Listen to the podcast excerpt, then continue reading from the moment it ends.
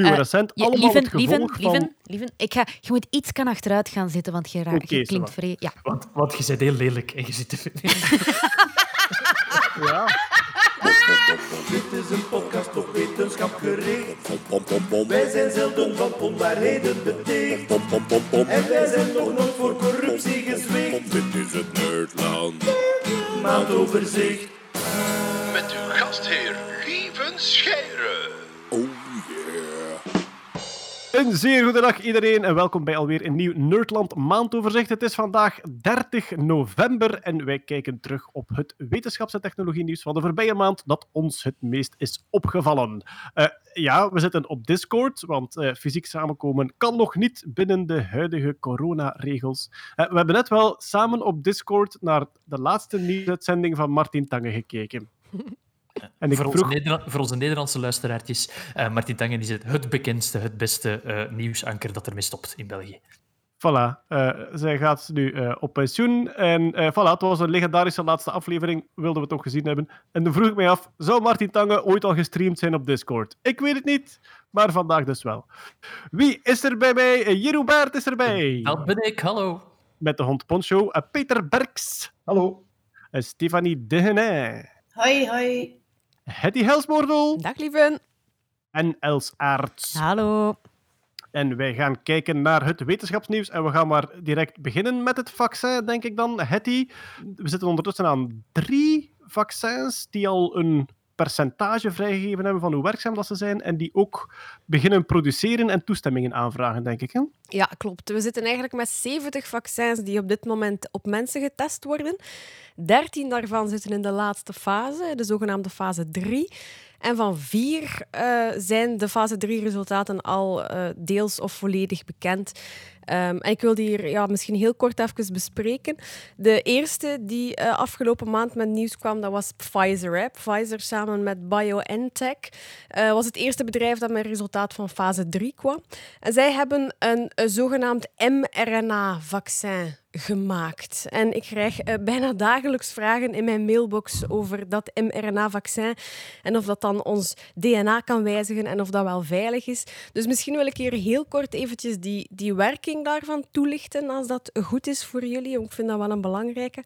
Ehm onderbreek Dat is een mij nieuw gerust. principe, denk ik. Hè? Ja, inderdaad. Onderbreek mij gerust als er iets niet duidelijk is. ehm, want ah, ik vind het echt wel belangrijk dat, eh, dat iedereen daarmee mee is.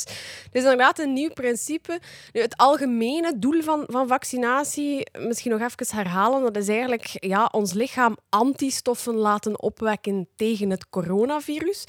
Zodanig als we echt eh, geïnfecteerd raken met het virus, ja, dat die antistoffen eigenlijk dat virus onschadelijk kunnen maken voordat wij er ziek van worden. Dus dat is een preventie van een ziekte. Dat is geen genezing nadat je ziek bent, maar echt het voorkomen van een ziekte.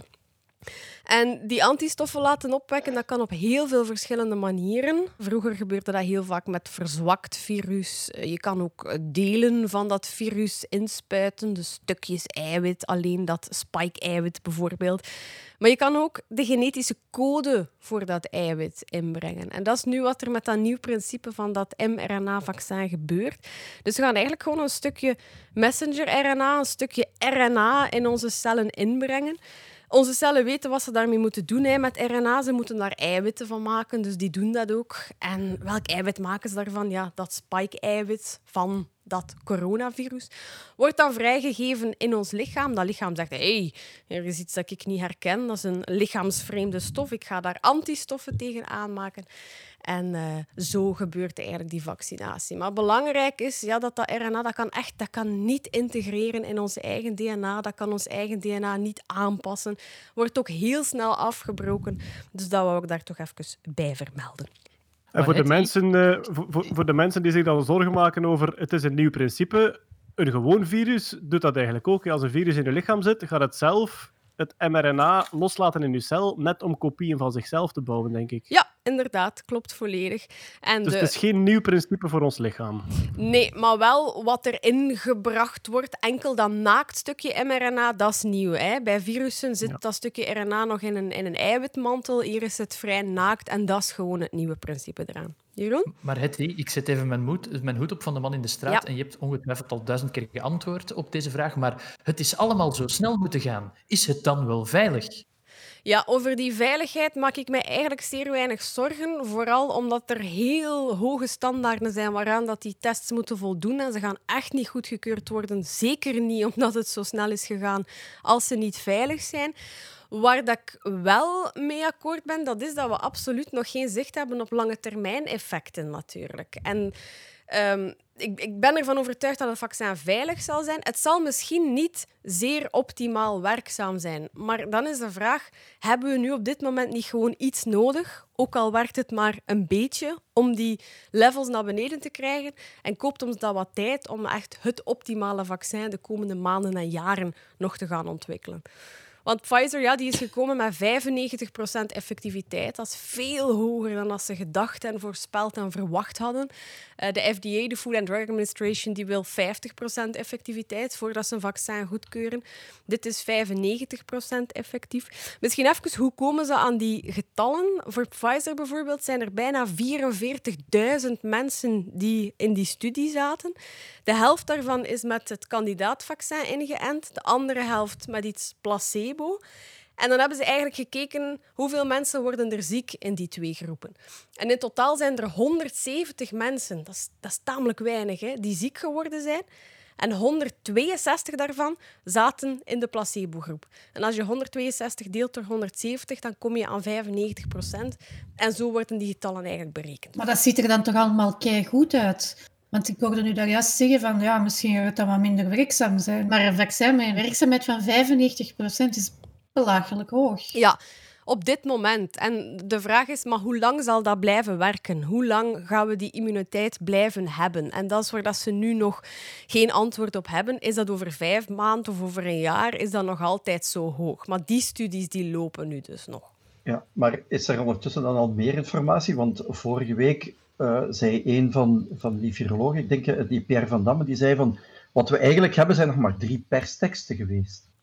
En uh, ik hoorde dan iemand anders op, op een radio, ik denk bij Nieuwe Feiten, die zei ook van ja, maar de Europese Geneesmiddelenagentschap gaat niks goedkeuren zonder dat wij al die informatie eerst krijgen. Dus is dat ondertussen, uh, zijn die ondertussen dan ook al binnen? Of die data... daar nu nog op wachten? Ja, wel, dus Pfizer heeft goedkeuring gevraagd aan de FDA. Dan is er nog een vergelijkbaar vaccin, Moderna, ook zo'n mRNA-vaccin, ook ongeveer ja. 95% effectief. Die hebben vandaag goedkeuring gevraagd, zowel aan de Amerikaanse FDA, maar ook in Europa. Dus zijn de eerste die ja. in Europa toestemming hebben gevraagd. En uiteraard, zij moeten alle ruwe data moeten, moeten zij, al die dingen moeten zij geven. Hè? Maar ze ja. zijn nog niet publiek. Dus inderdaad, de informatie die ik nu heb, is gebaseerd op die persteksten en een aantal journalisten ja, ja, ja. die iets dieper zijn gaan graven. Um, en dan is er nog AstraZeneca met Oxford. Die zijn ook met een resultaat gekomen. 62 à 90 procent. Dus dat, zijn al, uh, dat is zo al een ander getal. Daar was er ook zo wat verwarring over de data. Daar zijn maar ook... dat is een klassiek vaccin, denk ik. Hè? Ja, dat is een uh, adenovirusvaccin. Dus dat is eigenlijk ja, een, een, een chimpansee-virus dat ze onschadelijk gemaakt hebben. Ja, en daar hebben ze eigenlijk een, een stukje RNA van het coronavirus ingestoken. Dus dat wordt ook effectief in onze cel afgegeven, maar wel via een virus. Dat is, uh, dat is hoe dat, dat werkt. Zeg maar, daarnet zei je um, uh, lange termijn effecten, maar dan heb je het over hoe lang het werkzaam gaat blijven. Bedoelde dat? Ja, of, inderdaad. Of... of... dat we elk jaar opnieuw moeten gevaccineerd worden, of dat dat vijf jaar blijft uh, allee, werkzaam. Het probleem is, als, het probleem dat ik merk rond mij is dat als mensen horen uh, we zijn nog niet zeker over de lange termijn effecten, dat die denken na vijf jaar gaan mijn Pieter afvallen. dat is echt... En het is frappant frappant de laatste maand hoeveel mensen uit mijn vriendenkring dat zeggen van ja, goh, ik ga toch de anderen eerst laten vaccineren. Hmm. Nee, ik sta eerst in de rij. Hier is mijn schouder. Ik vind, ja, ik, ja want ik denk ja, dat we, ja. we hebben 80% gevaccineerden nodig, denk ik, om groepsimmuniteit te hebben. En mensen zeggen van, ja, maar ja, goh, zou er geen risico zijn? Ja, ten eerste, niets wijst op een risico. En ten tweede, de kans dat het groter is dan besmet worden met COVID-19 well, is vrijwel onbestaande. Ik had dezelfde discussie met mijn vrouw. Die zegt ook van, uh, ik ga nog even wachten. Ik laat eerst iemand anders zich inenten. En dan kijk ik wel wat er gebeurt. Ja, dat is heel raar. Want ik zei ook van, nee, absoluut. Als dat beschikbaar is, ik sta eerst in de rij, ik ga dat direct doen. Maar ja, er zijn la- heel veel mensen die daar... Die, die, er zijn heel Ja. veel mensen, merk ik dus. En ik heb het dan niet over de tinfoil hats. hè. Ik heb het niet over Nee, nee, nee, nee, Bill nee. Gates gaat mijn hoofd besturen. Ik heb het over mensen die gewoon zeggen van goh, ik ga toch een beetje voorzichtig zijn. Ik kwam iemand tegen, een oudere mens met een hartkwaal, die zei ik ga mij toch niet laten vaccineren, want ik ben oud, ik heb een hartkwaal. Ik zeg, jij vooral juist, als je covid krijgt, loopt een gigantisch risico. Ik kom een gezonde jonge mens tegen. Goh, ik ga mij toch nog niet laten vaccineren, want het zijn toch meer die oude mensen met een risico die zich moeten laten vaccineren. En ik vrees dat het een probleem wordt als er... Want ik hoorde nu al mensen zeggen, gaan we het verplichten? Dan denk ik, in godsnaam nee, want als je het verplicht, dan zit je helemaal met de samenzweringsmannetjes. Ja, dan zit iedereen zijn hakken in het zand. Eh, Maar ik vind dat wel... eh, Dat, be- dat begint echt een belangrijk punt te worden. Als we niet aan die 80% gaan raken, dan is het dit voor de komende vier jaar. Hè. Ja, het is Mhm. dat. Ja, En, en Peter, als uw vrouw zegt, ik ga wachten, maar hoe lang gaat ze dan wachten? Twee jaar? Ah, wel, ja, vijf ik jaar? heb haar die vraag Ah, ja. ook gesteld. Wat gaat je dan doen? Eh, gaat, je, je, je gaat dat nooit op een maand weten, nooit op twee maanden weten. Dus je gaat inderdaad een paar jaar moeten wachten. En dat is, dat is gewoon zinloos, hè? Natuurlijk. er was wel, allee, dit was wel te voorspellen. Hè? Allee, Ja, ik bedoel, ja, was ik ja. al van in, eigenlijk, allee, het is niet van graaf te doen of zo, maar met een eerste golf dacht ik al van, oké, die eerste golf, ja, eventueel een tweede, maar dan gaan we het krijgen. Hè? Wie gaat er zich willen laten vaccineren en wie niet? En ik kende, ik kende de, de, de mensen die wat sceptisch staan ten opzichte van de, de, de medische wetenschap. En ja, voilà, ja, je, hebt een, je hebt dan een snel vaccin, iets waar, dat we, allemaal, allee, waar dat we allemaal op aan het wachten waren. Maar dan is het te snel. Er gaat altijd, een, er gaat altijd iets zijn waardoor dat mensen, ehm, ja, toch zeker mensen die een beetje, ehm, ja, die niet zoveel vertrouwen hebben in, in de medische wetenschap, die, ze gaan altijd een reden vinden hè, om zich Ja. niet te laten Ja, en ik had dat Ja. ergens ook verwacht, maar niet in die mate. Wat dat Lieve Nee? ook zegt. Nee, ik, ik, ik, ik verwachtte het van de, wel. aan de anti-vaxxers en de Bible Belt. Dat zag ik allemaal aankomen. Maar dat er zoveel gewone, tussen aanhalingstekens, mensen en vrienden van mij en hoger opgeleid mij de vraag stellen, maar Hitty, hoe zit het nu? Ja, dat vind ik toch ongezien eigenlijk, hoor. Ik had Maar dat, juist dat, komt omdat die, dat komt omdat die anti-vaxxers in de Bijbelbelt niet meer in de Bijbelbelt zitten. Ja. Hè? Je hebt Ja, Facebook, die je hebt social Facebook, media. hè? Dat, Ja. dat, Ja, dat zit ja. overal nu. Ja, Ja, maar ik waar. was, ik, ik was ergens klaar voor de gekkies. Hè. Ik was ergens klaar voor de tinfoil hats. En ik maak me al een paar jaar zorgen in het feit dat dat niet echt meer een lunatic fringe is, maar dat dat gewoon een, een, echt een, een stevig percentage van de bevolking wordt. Daar was ik klaar voor. Maar voor, voor ehm, mensen uit mijn directe omgeving die zonder conspiracy theory eigenlijk gewoon gingen zeggen goh, ik ben er toch niet zo gerust in, ik ga nog een beetje wachten. Daar was ik eigenlijk niet klaar voor. Want als je ziet in welke miserie dat we zitten en dat we eigenlijk die oplossing al zo lang wilden, nee, dat, dat heeft mij verrast. Ja. Misschien Maar zegt het iets over de vriendenkring. Oké, dan ik ga enkel nog naar SCAP-bijeenkomsten. Niemand heeft dat tegen mij gezegd, maar ik heb dan ook geen vrienden. Nee, maar het zijn, dat zijn wel, waar dat we vorige keer ook over hadden, hè, dat zijn de bench-sitters, de mensen die het afwachten. En dat zijn de mensen die nog wel, eh, die nog wel te overtuigen zijn. Dat zijn niet inderdaad de rabiate antivaxers. Ja. Natuurlijk zijn er wel een hele hoop bench-sitters die nu op dit moment worden blootgesteld aan die eh ja, conspiracy-theories. Ja, en die, die desinformatiekrachten die zijn veel sterker of veel slimmer dan, dan dat allee, de overheid met informatiecampagnes is, bijvoorbeeld. En daar maak Ja. ik mij een beetje zorgen over. En ik weet niet Ja. goed wat we daaraan moeten doen. Weet je, het probleem is natuurlijk dat de tijden ook wel wat onzekerder zijn en mensen worden ook achterdochtig tegenover alles wat overheid is ook. Hè. En, en dan, dan krijg je dat er nog eens bovenop. Dat is, ja, de- je krijgt Ja. dan ook een verreksing. Ja, Maar die, ik zeg die die, mensen, mee. die mensen ken ik die zo denken. En het gaat hem nu over mensen die ik tegenkom die, die Ja. eigenlijk geen wantrouwen hebben in de overheid, die eigenlijk Ja. geloven in onze gezondheidszorg, Ja. die eigenlijk ook uit die een pandemie willen. En die toch zeggen, ja, nee, laat maar, laat maar een beetje wachten. ja.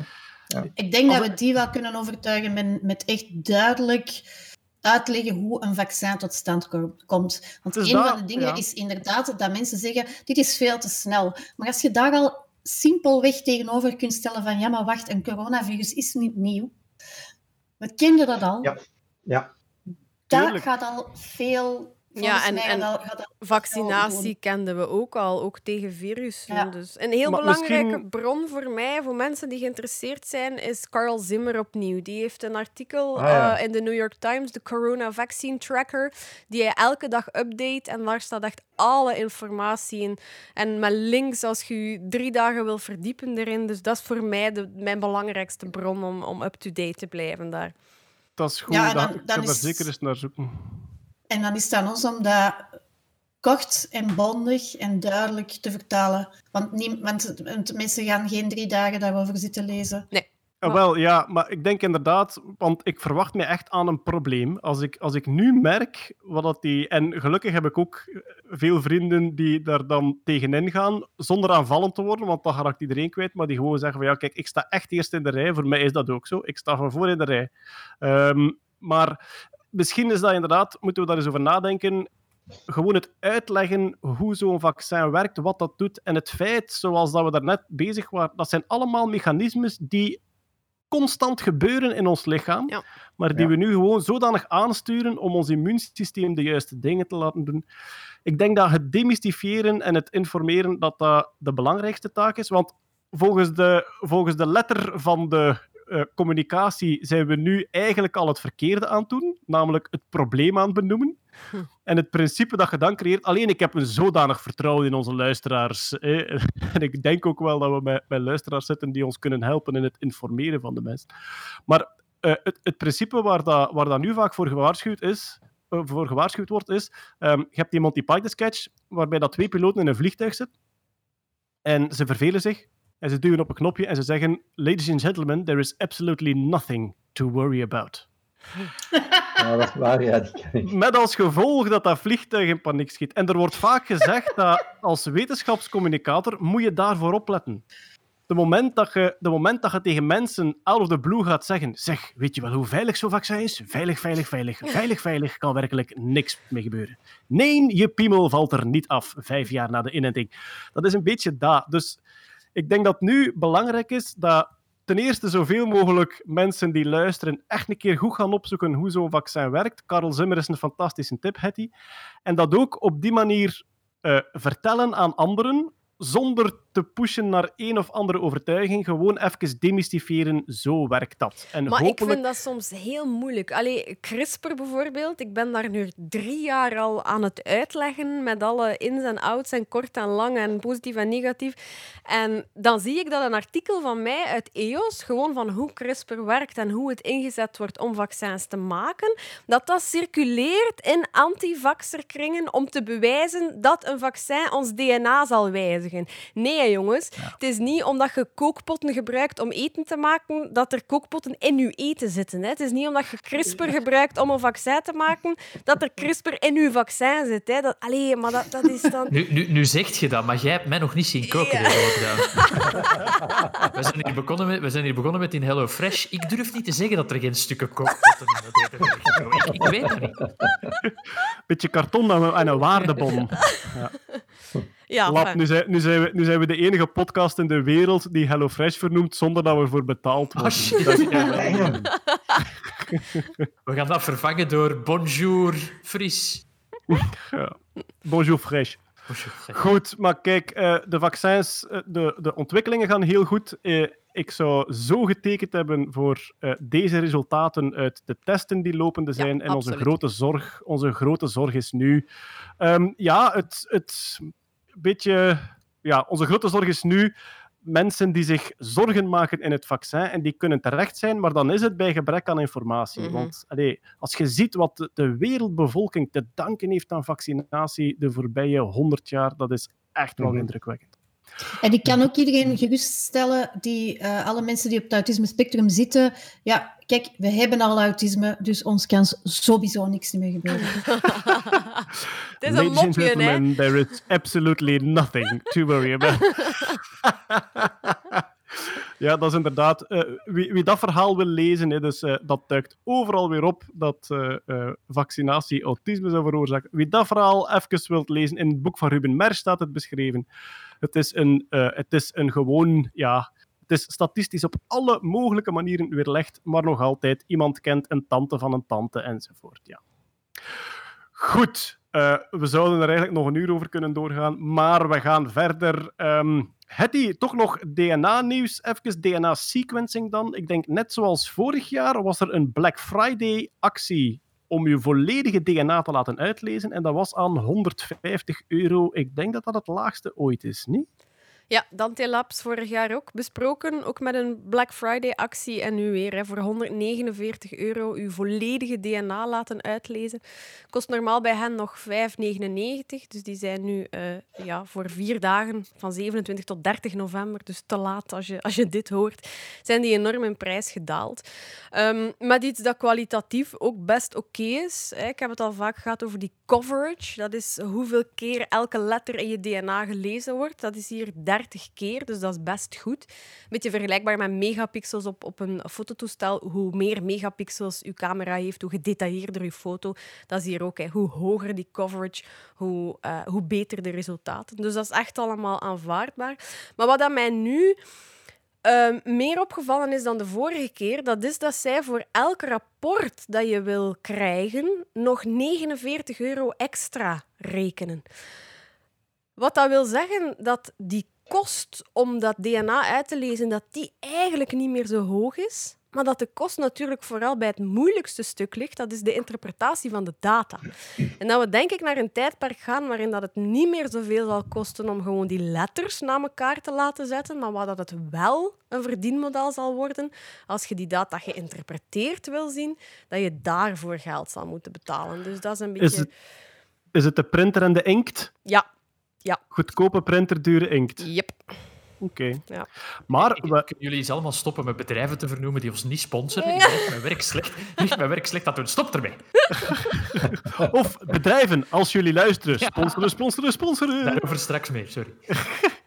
uh, uh, ja, nu, ik neem aan dat de, de software, de AI-software om uh, DNA te analyseren, dat die er ook wel gaat komen, zodanig dat je met je raw data eigenlijk wel redelijk veel gaat zijn. Nu, AI overal opsmijten als hype, uh, ik ken het. In deze is AI geweldig nuttig voor DNA-analyse, omdat dat net complexe patronen zoekt natuurlijk. Hè. Ja. In Antwerpen is er al zo'n softwarebedrijf, dus wie weet, Hetty, wordt het uitlezen plots 50 euro. We komen zowaar in de buurt qua grote orde.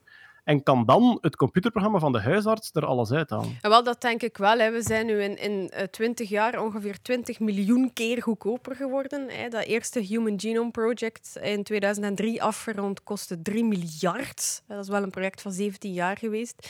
En nu doen we het voor 20 miljoen keer goedkoper, voor 150 euro. Um, dus die horde is genomen. Dus geeft dat voor AI misschien ook nog een keer 20 jaar. En, en wie weet, waar staan we dan? Hè? AI gaat geen 20 jaar duren, denk nee? ik. Die is, al, oeh, die is al stevig uit de startblokken en die, de, ja, die gaat uh, exponentieel omhoog. Uh, maar ja, die prijs komt en ja, uh, toen dat wij begonnen met de podcast hier, spraken we altijd zeer hypothetisch over misschien komt de prijs ooit in de buurt van de prijs van een medisch onderzoek. Ja, een keer dat we onder de 100 euro zitten, zitten daar al bijna. Hè? Ja, absoluut. Ja. Net zoals een, een ziekenhuisonderzoek enzovoort. Dus uh, waarschijnlijk komt het snel binnen in de uh, alledaagse geneeskunde ook, de DNA-test. Goed, over niet-alledaagse geneeskunde gesproken. Stefanie, in Antwerpen is een mummie gevonden. Ja! En nu ga jij zeggen... Een... Nu ga jij zeggen, in Deurne zeker. Niet over. Dat is een serieuze miserie geweest. Hè. Wat, Wat is er aan gebeuren, Jeroen? In de vorige podcast hadden we het over de, marmerkre de marmerkreeften in een, ja. een bepaald kerkhof, scholenhof. Ik, ik weet de naam. Sch Sorry, bedankt, in koor. Maar dat bedoelt hij, Gertje. En, en, ik denk dat Stefanie toen had opgemerkt, ja, dat is Deurne. Hè. En dan waren er mensen op Twitter, dat is Deurne niet, dat is Oboken. En dan waren er mensen van Oboken, dat is Oboken niet, dat is Wilrijk. En dan hebben we het opgezocht en het ligt zowel in Hoboken als in Wilrijk. Maar het is definitely not Deurne. Dus je ontdekt een nest gemuteerde, gekloonde marmerkreeften en je wil ze niet. Nee, oké, okay, nee. vanaf. Het ligt ja, in Gent. Kan, het, is, ja. het is beslist. Het schoonselhof ligt in Gent. Ze zijn van ons. Maar dus de ja. Sorry, ja. ik, ik wil nog even zeggen sorry aan alle mensen van Deurne die ik heb uh, geschoffeerd. Eh, Deurne, iedereen weet dat Deurne best wel meevalt, zeker in vergelijking met eh, uh, Merksen. Ja. Dus- Je kunnen toch niet met een gemuteerde oren. Door ping, ping, ping, ping. Jeroen, ping, ping, ping, ping. Zet jij even de notifications van uw mailbox af, Jeroen. Ping, ping, ping, ping. Ik zal gewoon het standaard antwoord sturen. Bedankt voor je input. Jeroen, voor Nerdland. Dus, een mummie, het is in het schipperskwartier. Daar gebeuren ook al wel rare dingen. Nee, maar het is echt een heel vreemd verhaal. Ehm, de huisbaas komt binnen in een appartement waar dat al even de huur niet is betaald. En die komt een keer zien wat dat daar gebeurt. Trekt daar een kast open en er valt een lijk uit. En niet zomaar een lijk, een gemummificeerd lijk. Maar allee. Hoe is dat gebeurd? Volgens Ja. mij, Stefanie, was het een... Ik zet mijn zonnebril even af. Ingewikkelde zaak. Wel, eh, de mummie in kwestie, eh, het, het, het is een lichaam van een vrouw. Ze is eh, wel degelijk in een deken ingewikkeld en ja, natuurlijk opzettelijk in de kast eh, gezet. Hoe dat, dat helemaal is verlopen, dat weten we nog niet. Daar moeten we het, eh, ja, daar moeten we het politioneel eh, onderzoek voor afwachten. En ehm Het wat wel een geweten... partner, een Ja, partner wel van de voormalige bewoner. Ja. Ja, voilà. Dus er woonden twee vrouwen die, eh, die woonden samen, of dat ze een relatie hadden dat, of, of niet, dat weet ik niet. Dat waren vrouwen op eh redelijke... Ja, het is weer, het is weer lesbian crime. hè. The best kind of crime there is. Het is niet in de ruimte dit keer. het is niet in de ruimte, maar het is wel spectaculair. Ehm, ja, twee oudere vrouwen. eh, de ene vrouw die overlijdt en, en haar partner zegt tegen iedereen van ja, ze is overleden aan kanker. Eh, er is zelfs nog een, een begrafenis georganiseerd die dan toch niet kon doorgaan en zo. Het is allemaal heel shady, shady. Ondertussen, de vrouw die, eh, ja, die nog leeft, die, die, die beweert dat ze eh Korsakoff heeft. En Korsakoff, dat is een vorm van dementie. eh, die voorkomt bij mensen die zeer lang en veel alcoholmisbruik hebben ondergaan of gedaan. En dus ze weet van niks niet meer. Hier denk ik niet dat dat helemaal klopt. Want ja, uiteindelijk is dat lichaam wel in die kast geraakt. Maar wat dat heel eh, wetenschappelijk heel eh, bijzonder is, is dit is spontane mummificatie. En dat gebeurt niet zo vaak. Normaal beschimmelde helemaal en rotte weg. En zij is dus uitgedroogd. Of... Ja, maar dan moeten de omstandigheden er toch naar zijn. Want anders Ja. mummificeert je toch niet. Want dan, dan komen er vliegen op en alleen, bedoel, die, die zijn er Inderdaad. niet geweest. Dat is heel juist wat Peter zegt. Normaal gezien, een lichaam ontbindt. En wat is ontbinding? Dat je, er, zijn twee, er, zijn, ja, er zijn twee dingen die gebeuren. Hè. Eh, de enzymen van uw cellen, die gaan uw cellen kapot vreten. Dat is het begin van de Eigenlijk- dood. Uw darmen en uw maag, wat dat daarin gebeurt, gebeurt plotseling in uw lichaam dan. Ja, Ja, dat is het tweede ding. Hè. Dat, is, dat is eigenlijk dan ja, het verrottingsproces, zeg maar. Dus alle bacteriën in je lichaam, die gaan gewoon al het weken, alle weken gedeeltes, die gaan die eh, afbreken. opeten. Voilà. En dan, dan krijg je verrotting met de nodige stank en alles wordt vloeibaar en dat is heel vies en dat stinkt en gas. weet ik veel wat. En heel veel gas. Wanneer kan een lichaam mummificeren? Dat is in zeer uitzonderlijke eh, omgevingsomstandigheden. dat is wanneer dat er eh, ofwel heel koud is, of heel eh, Droog. warm en Droog. droog. Ja, Ja. die droogte is heel belangrijk. Ja, Ehm, dus het is uitzonderlijk, maar het is niet, allee, het is niet onmogelijk. Het lichaam bleek in een deken te zijn gerold, in een kast. Ja, als die kast zeer droog is en dat deken dat werkt als een soort eh, absorptiemateriaal, waardoor dat eigenlijk al het, het, het, het, decom- vocht eruit getrokken vocht Ja. eruit getrokken wordt, inderdaad, dan, kan- dan kan er inderdaad mummificatie Cool. optreden. Maar allee. Ja, En- het en- gebeurt wel vaker, hè? Dat, dat lichamen worden eh, ja. gevonden, dat ze worden gemummificeerd, inderdaad.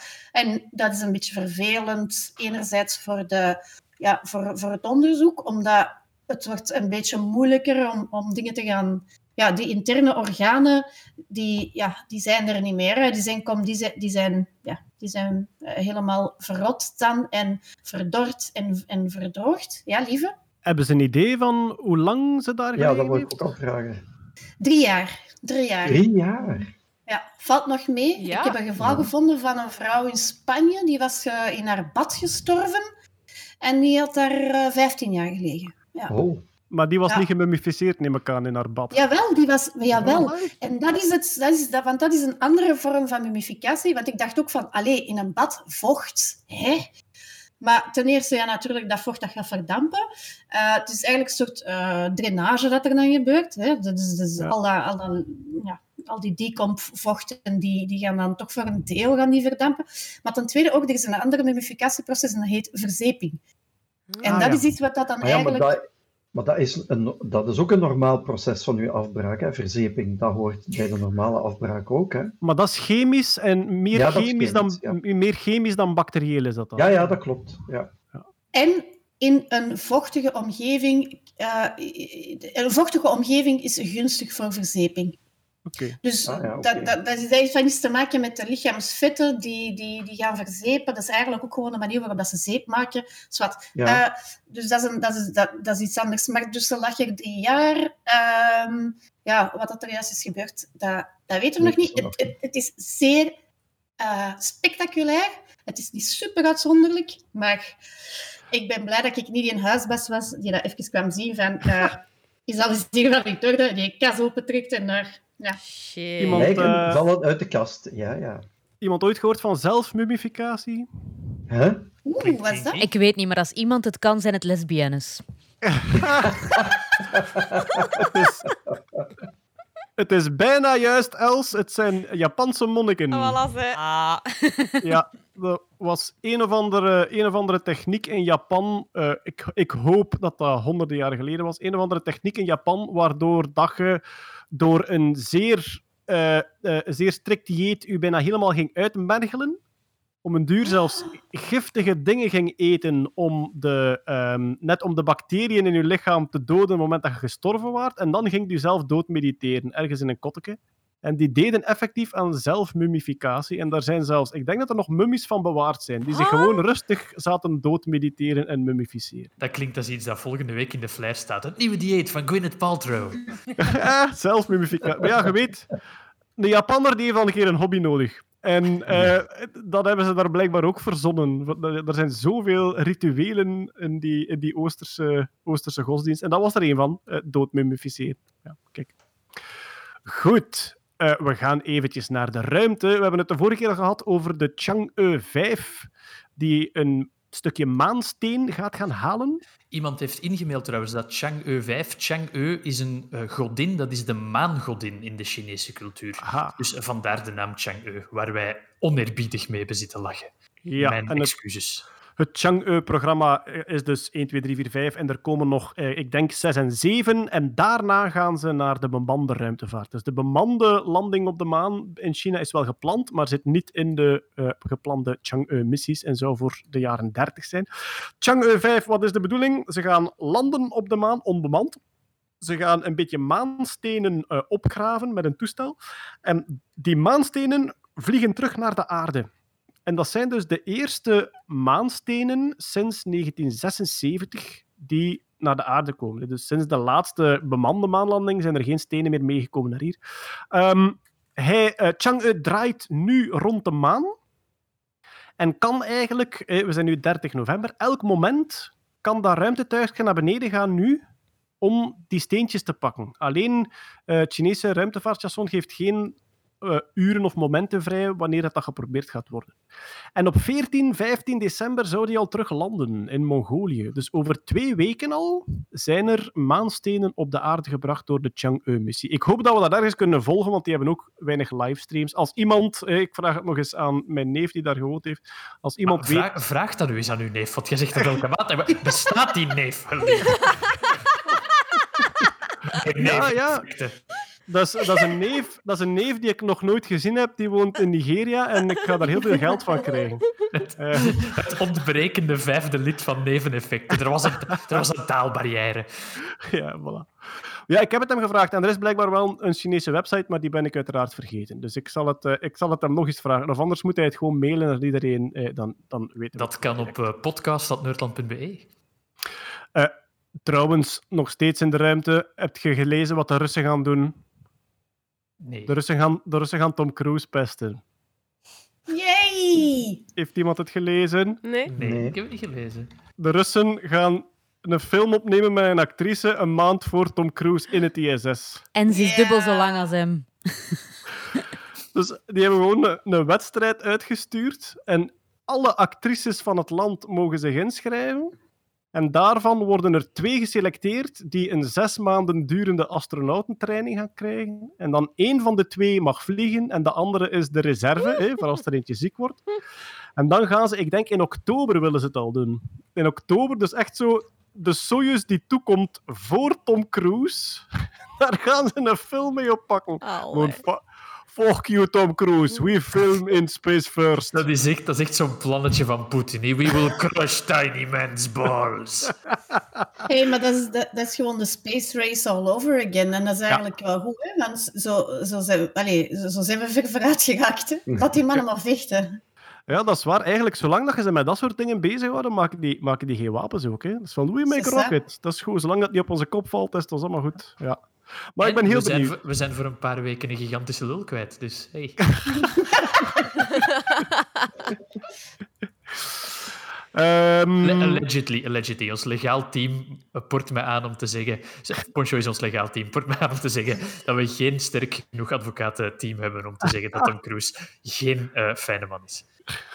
maar, maar we laten de hypothese open. Voilà, eh, het project heet The Challenge. En The Challenge is een samenwerking van Roscosmos, het Russische ruimtevaartbureau, en een, een tv-zender daar. En dus ze willen als hype een grote film eh, opnemen, vlak voor Tom Cruise. Het volgende item dat ik hier staan heb.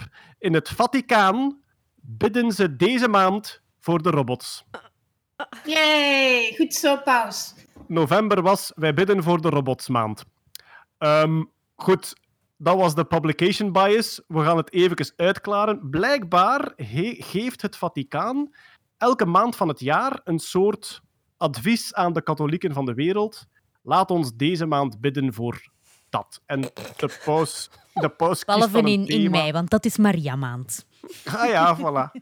Die lijst staat ook online en Oh. dat is van alles. Er, er was eentje, ja, sowieso over de, de, de, de wereldvrede eh, wordt af en toe gekozen. Er was ook eentje voor, Wel maar af en toe zo. Dat is, dat is zomaar... Dat Ja, zomaar... niet constant. Er was ook eentje voor eh, alle mensen die op zee werken. Zeemannen, booreilanden, daar werd een hele maand voor gebeden. En deze maand was het AI en robots. Ik zeg natuurlijk bidden voor de robots, hè, om er een punchline van te maken. De zorg van de paus... eh, nee, waarvoor gebeden werd, was dat AI en robotica altijd ten dienste gingen staan van de goede kant van de mensheid. Dus de paus had in een filmpje gezegd, je kunt die dingen heel slecht en heel goed gebruiken. En wij gaan deze maand bidden, bidden, bidden, bidden, bidden, bidden, bidden, dat dat vooral goed gebruikt Ja, wordt. dat gaat helpen.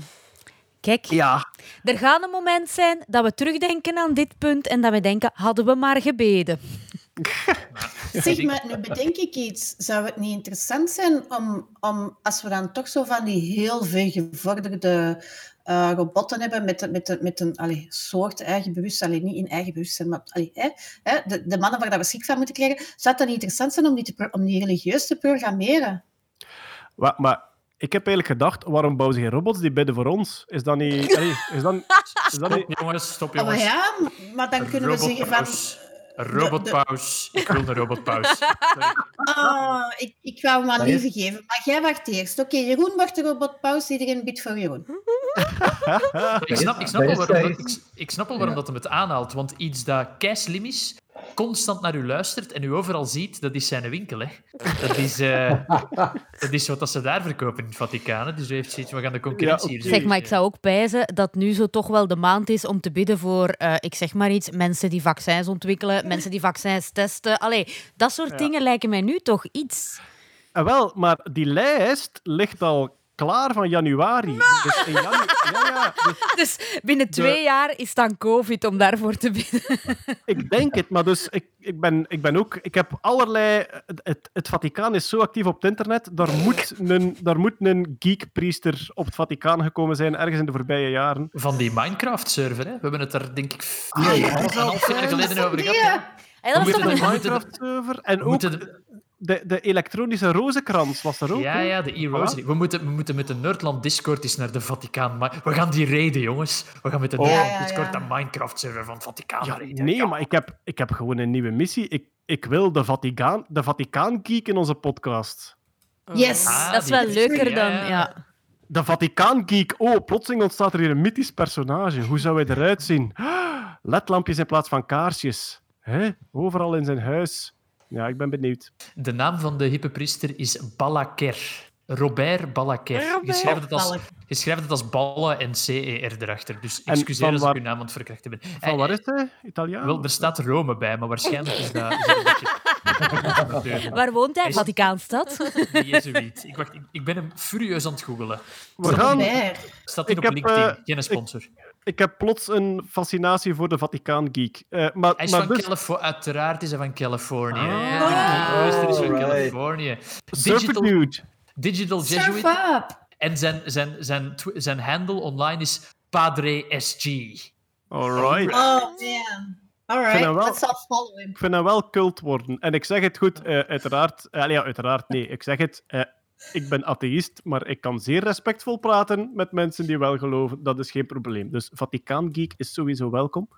Ehm, maar ja, ik had dus gevonden op de website dat dus de, de, de bitmenu per maand is in januari klaar. Dus dan weten we gewoon, eh, de komende maand bidden we daarvoor.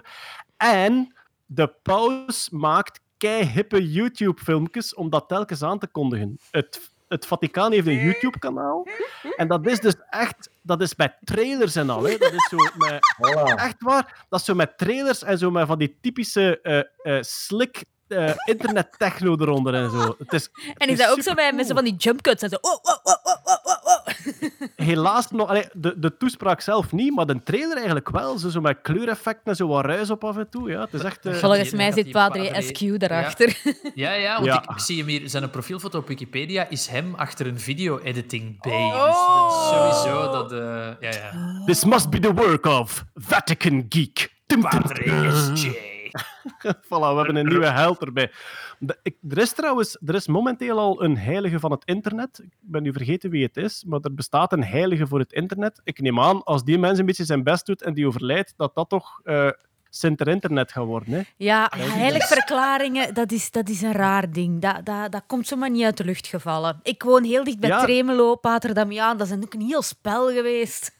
Ja, eh, ik, ja, heilig verklaring, ik heb dat af en toe gevolgd. En die moeten dus nog altijd twee mirakels hebben, denk ik. En dat is dus effectief met, met goedkeuring. Hè. Onlangs was er zo een Amerikaanse bischop van, ja, uit de jaren negentig, denk ik, die heilig verklaard ging worden. En dat is effectief van, die mensen hebben gebeden tot hem voor de gezondheid van hun kind. En het is op onverklaarbare wijze genezen. Dus dat telt als geldig mirakel voor de heilig verklaring. Dat is echt zo officieel. De, Dat is een de- beroep. Dat- Dat is een beroep. Isidorus van Sevilla. Ja. Sint Isidorus, hè, ja. Maar degene waar, degene waar jij het over hebt, kan mogelijk Carlo Acutis zijn. Dat is dat kind dat in leuk, aan leukemie gestorven is eh, toen hij 15 Ah, was, in ja. 2006. En dat is een jonge, een jonge Italiaan die blijkbaar een soort van internetgenie was en mensen samen heeft gebracht online. Ben nu eens opzoeken wat dat hij precies deed. En die wordt nu heel hard gepusht als zijnde van de jongste heiligverklaring Ah, ooit. Eh, Oh, Want Carlo Sint, Acutis. Sint Isidorus van Sevilla was oorspronkelijk de patronenheilige van de encyclopedie. oh. en is hem zo dus ook de beschermheilige van het internet geworden. Internet, encyclopedie, same, same, but different. Als die mens nu terug op de aarde komt en zegt van zeg, we, we hebben iets ge... omdat je van de encyclopedie bent, hebben we hier ook patroonheiligen van gemaakt. Alright. Instagram, TikTok en porno. Proficiat. Isidor. Ja. Ja, Ah ja, tuurlijk. Toen, toen was het internet nog infor- informatief bedoeld. Eh, we gaan even bij de robots blijven, want Stefanie, we hebben het al gehad over de animatronics. Hè, dat zijn die stuntrobots van Disney. Ze gaan nu een stapje verder en ze willen, ik denk, nog meer mimiek. Ze willen een soort levensechte mimiekervaring, maar het prototype dat op het internet staat, bereikt een beetje het tegendeel, had ik de indruk. Eh, nee, ik vind van niet. Ik vind, het, ik vind het eigenlijk heel goed benaderen wat ze willen doen. Het ziet er alleen super angstaanjagend uit. Eh, we gaan dat zeker in de show notes zetten. En beware, want het is nightmare material. Het is niet zozeer de Uncanny Valley. Het is eigenlijk alsof dat je eh, pakt een Cylon hè, van in Battlestar Galactica of een, een replicant van in, van in Blade Runner. Dus echt een hele, hele, hele realistische eh, androïde, maar dan zonder vel. Dus je ziet eh, een soort skelet. Je ziet natuurlijk ook, ah ja, skelet, ja, en je ziet natuurlijk ook allemaal die, die, die, die motorretjes. en Motorkes, zo. hè, ja. Zo van die motorarmjes die lijken een beetje op pezen. Dus het is inderdaad, Ja. dan moeten we erbij zeggen, het filmpje is niet van de robot die afgewerkt is, het is van het prototype waar nog fel op moet komen. En dus al die Ja. bewegende motorkes en staafjes lijken zo wat op pezen van een gevild iemand. Ja, en waar dat ze nu op aan het inzetten zijn, is inderdaad het zo menselijk mogelijk laten lijken in interactie met iemand anders. Uh, en er zijn een aantal trucken voor. Ja, knipperen is redelijk logisch. Hè? Iemand die niet knippert met zijn ogen, dat gaat al snel doorhebben. Dat is niet normaal, dat is een beetje icky. Hè? Um, het tweede is dat ze, ja, ze ademen ook en ze, ze hebben adembewegingen. En dat ga je ook zien. Dus dat zijn allemaal heel subtiele, subtiele kleine bewegingsjes die er eigenlijk uh, toe leiden dat iemand heel, allee, een, een, androïde of een robot in dit geval, dat die er heel realistisch uitziet. En ook iets heel belangrijks wat dat ze doen, is de saccades. Dus normaal gezien, als ik nu uh, kijk naar iets en ik kijk dan uh, weer naar iets anders, hè, mijn, mijn, mijn ogen gaan niet vliegensvlug van, van de ene kant naar de andere kant, kant gaan. Daar zitten saccades tussen. Dus dat wil zeggen dat je oog zo... Ja, hoe moet ik dat nu uitleggen? In stapjes, in tussenstapjes. Ja, Ja, ja. Ja, ja. Moest ik nu naar jullie kijken en ik kijk dan naar de deur en ik kijk terug naar jullie zonder dat daar tussenstapjes in zijn, dan zouden jullie allee, creeped out zijn, want dat kan niet. Dat, dat is echt super. Dat zijn van die microbewegingen. Als die er niet zijn, ga je dat merken en dan ga je zien van, oeh, deze is raar. En dat En dus heet saccade. Saccades, ja. Ah, ja. Saccades is, is, is puur het, het, het, de ogenbeweging die in stukjes gaat, Ja. eh, gaat, be- ga- gaat bewegen. En dat gaat te snel om... om, om eh, dat gaat snel om, om, eh, om Bewust te zien. Maar dat vind ik daar zo Maar wonderlijk aan. is, Dat, er, dat vind ik zo wonderlijk dat er, dat er zoveel, inderdaad, die ademhaling die je nu vernoemt. Je, je bent je er nooit bewust van dat je erop let dat iemand zijn borstkas zachtjes op en neer gaat. Maar als het ontbreekt, dan hebben we het wel Dan door het ons. pas. Ja. Zo die Ja. onderbewuste patroonherkenning is toch ook echt aanwezig in onze koppen. Mm. Ja. Ja, en als je nu naar dan deze kijkt, ja, ik zeg het, het is een beetje creepy. Het is alsof dat je, ja, zo gelijk in korperwelten of zo, dat je gelijk een mens hebt zonder, zonder vel, maar dan ja, met allemaal mechanische dingen. Maar als je kijkt hoe dat die eh, eh, reageert, interageert, ook op de persoon die voor hem staat, want die gaat natuurlijk ook die bewegingen volgen. Er zit een camera in, hè, dus als die mens een beetje naar rechts gaat een beetje links gaat, gaat die robot dat volgen. En dat is zo natuurlijk dat het ongelooflijk creepy is. We hadden de Uncanny Valley. Ik wil er een categorie bij, want dit is... ah, ik weet niet waar dat ik het zo moet steken, maar dit is er voorbij. Ja, omdat ja, uh, uncanny is als je eigenlijk ziet dat er nog van alles mankeert. En nu is het creepy ding net dat het zo accuraat aan het worden is. Dus ehm, Ja. eigenlijk hebben we dan een soort kurperwelten robot die wel compleet empathisch van lichaamstaal is. Dus ja, freaky, freaky stuff. En de bedoeling is van, van Disney dat dat echt eh, animatronics ehm, robots worden dan. Die dus in het pretpark staan en die u bijvoorbeeld een pintje uitschenken of zo. Ja, je hebt, je, hebt, je hebt er nu al zo... Allez, zo die Lincoln is heel bekend, hè? Zo de oude Juist, presidenten die daar zo wat staan te, te speechen en zo. En ja, als je deze mechanisme eronder steekt, dan heb je echt een, een super realistische Lincoln. Hè? Ja. Ja. Ik wil de Tiki Tiki Tiki Room zien met deze. Met die papegaaien. Ja, bij Westworld. Hè. Fokke van der Meulen heeft er altijd geweldig veel eh, plezier aan als hij naar de tv kan. De parrots. De Ik denk dat dat de eerste... Dat was de eerste animatronic eh, eh, display eigenlijk, hè? Van Disney. Ik Dus weet het niet, maar ik heb die ene keer in echt Ja. gezien en ik was daar weg van. Ah. In welke podcast zat dat? Van Fokken met de parrot? De parrot!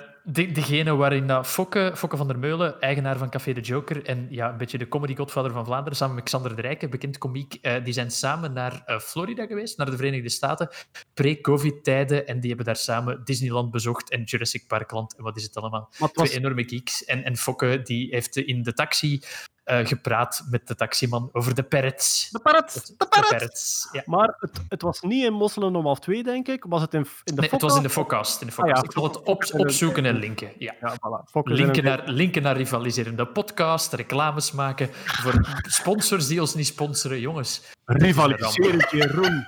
Rivaliserend, ga je mond wassen, zeg. dat is waar, sorry. We hebben geen dikkere vrienden dan eh Fokke en Xander. Goed, eh, we gaan eens verder kijken. Ah, wat hebben we hier nog staan? Peter, er is een plantje in China dat zich verstopt voor de Chinese geneeskunde. Het vermomt zich op evolutionaire manier. Wat is er Ja. aan het gebeuren? Ja. Wel, eh, ja, wij leren natuurlijk dat evolutie altijd over heel lange periodes gaat met hele kleine stapjes, maar soms kan je evolutie ook op heel korte termijn zien.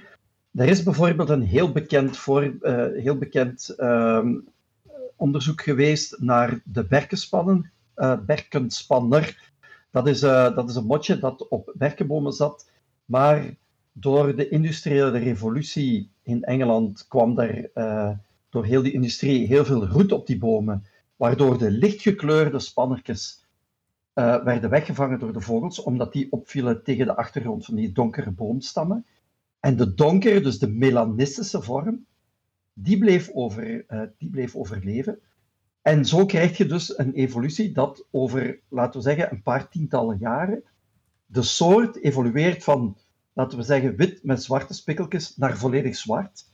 En toen dan ehm, de wetgeving aangepast werd en de, eh, de roetuitstoot verminderde, de berken terug bleker werden, heeft zich dat proces omgekeerd. En nu zien we hier hetzelfde met een plant. Maar dat was in een paar jaar tijd, die Dat, was, Ja. dat, was, dat ging over een paar decennia wel. Hè? Dat Ah, is ja, niet over een paar jaar, maar over een paar decennia. En nu zien ze, is hier een voorbeeld eh, eigenlijk net hetzelfde. Dat is het plantje Fritillaria delavayi. Ehm het is een kievitsbloem. Ik weet niet of je kievitsbloemen kent. Nee. Dat zijn, ehm, dat zijn, ja, hier bij ons groeien die ook. Dat zijn bloemen die hebben zo een, een klokvormige bloem die naar onder wijst en paars-wit geblokt is eigenlijk. En deze bloem ziet er identiek hetzelfde uit, alleen is de bloem volledig groen. Dus het plantje is helemaal groen. En het leeft op, ehm, een, in bergachtige, rotsachtige gebieden in China. En de wortels, of de knollen zal ik zeggen, want het is een, het is een bolgewas, hè, net zoals narcissen of tulpen. Die bollen worden verzameld, ja, zoals heel veel dingen voor de Chinese geneeskunde, ze worden blijkbaar gebruikt tegen eh, epileptische aanvallen. Ehm, die zijn zeer gegeerd, er gaan ongeveer, maar ze zijn heel klein, er gaan ongeveer 3500 bolletjes in een kilo. Dus die worden heel veel geplukt. Maar wat blijkt nu? Die plant heeft, zoals met eh, alle organismen, zit er altijd variatie binnen het soort, ook kleurvariatie. En de meer grijzere variaties, die blijven staan. De mensen vinden, die, vinden die niet meer. Dus wat ga je nu krijgen? Die plant verdwijnt tegen de achtergrond en wordt niet meer gevonden. Omdat hij lijkt Dus op de is- kiezels of zo. Omdat die lijkt op de stenen die daar Oh, tegen, ja, de, ja, ja. tegen de bergwand liggen. Ja? Dus zelfs in, in, de, ja, in evolutietermen zeer korte tijd dat Ja. de Chinese geneeskunde die plantjes gaat zoeken, is die zich al aan het camoufleren. Absoluut. Ja. Ja. En nu hebben die onderzoekers dan ook een paar testen gedaan. Ze hebben dan een aantal mensen het veld ingestuurd waarvan ze weten van oké, er staan hier zoveel van die eh, echt nog groene plantjes en zoveel, eh, ik zal maar zeggen, de mutanten, hè, dus de, de gemuteerde eh, gekleurde vorm. En het blijkt dus dat je echt inderdaad heel weinig van die dingen vindt, of dat het veel langer duurt om zoiets te verzamelen.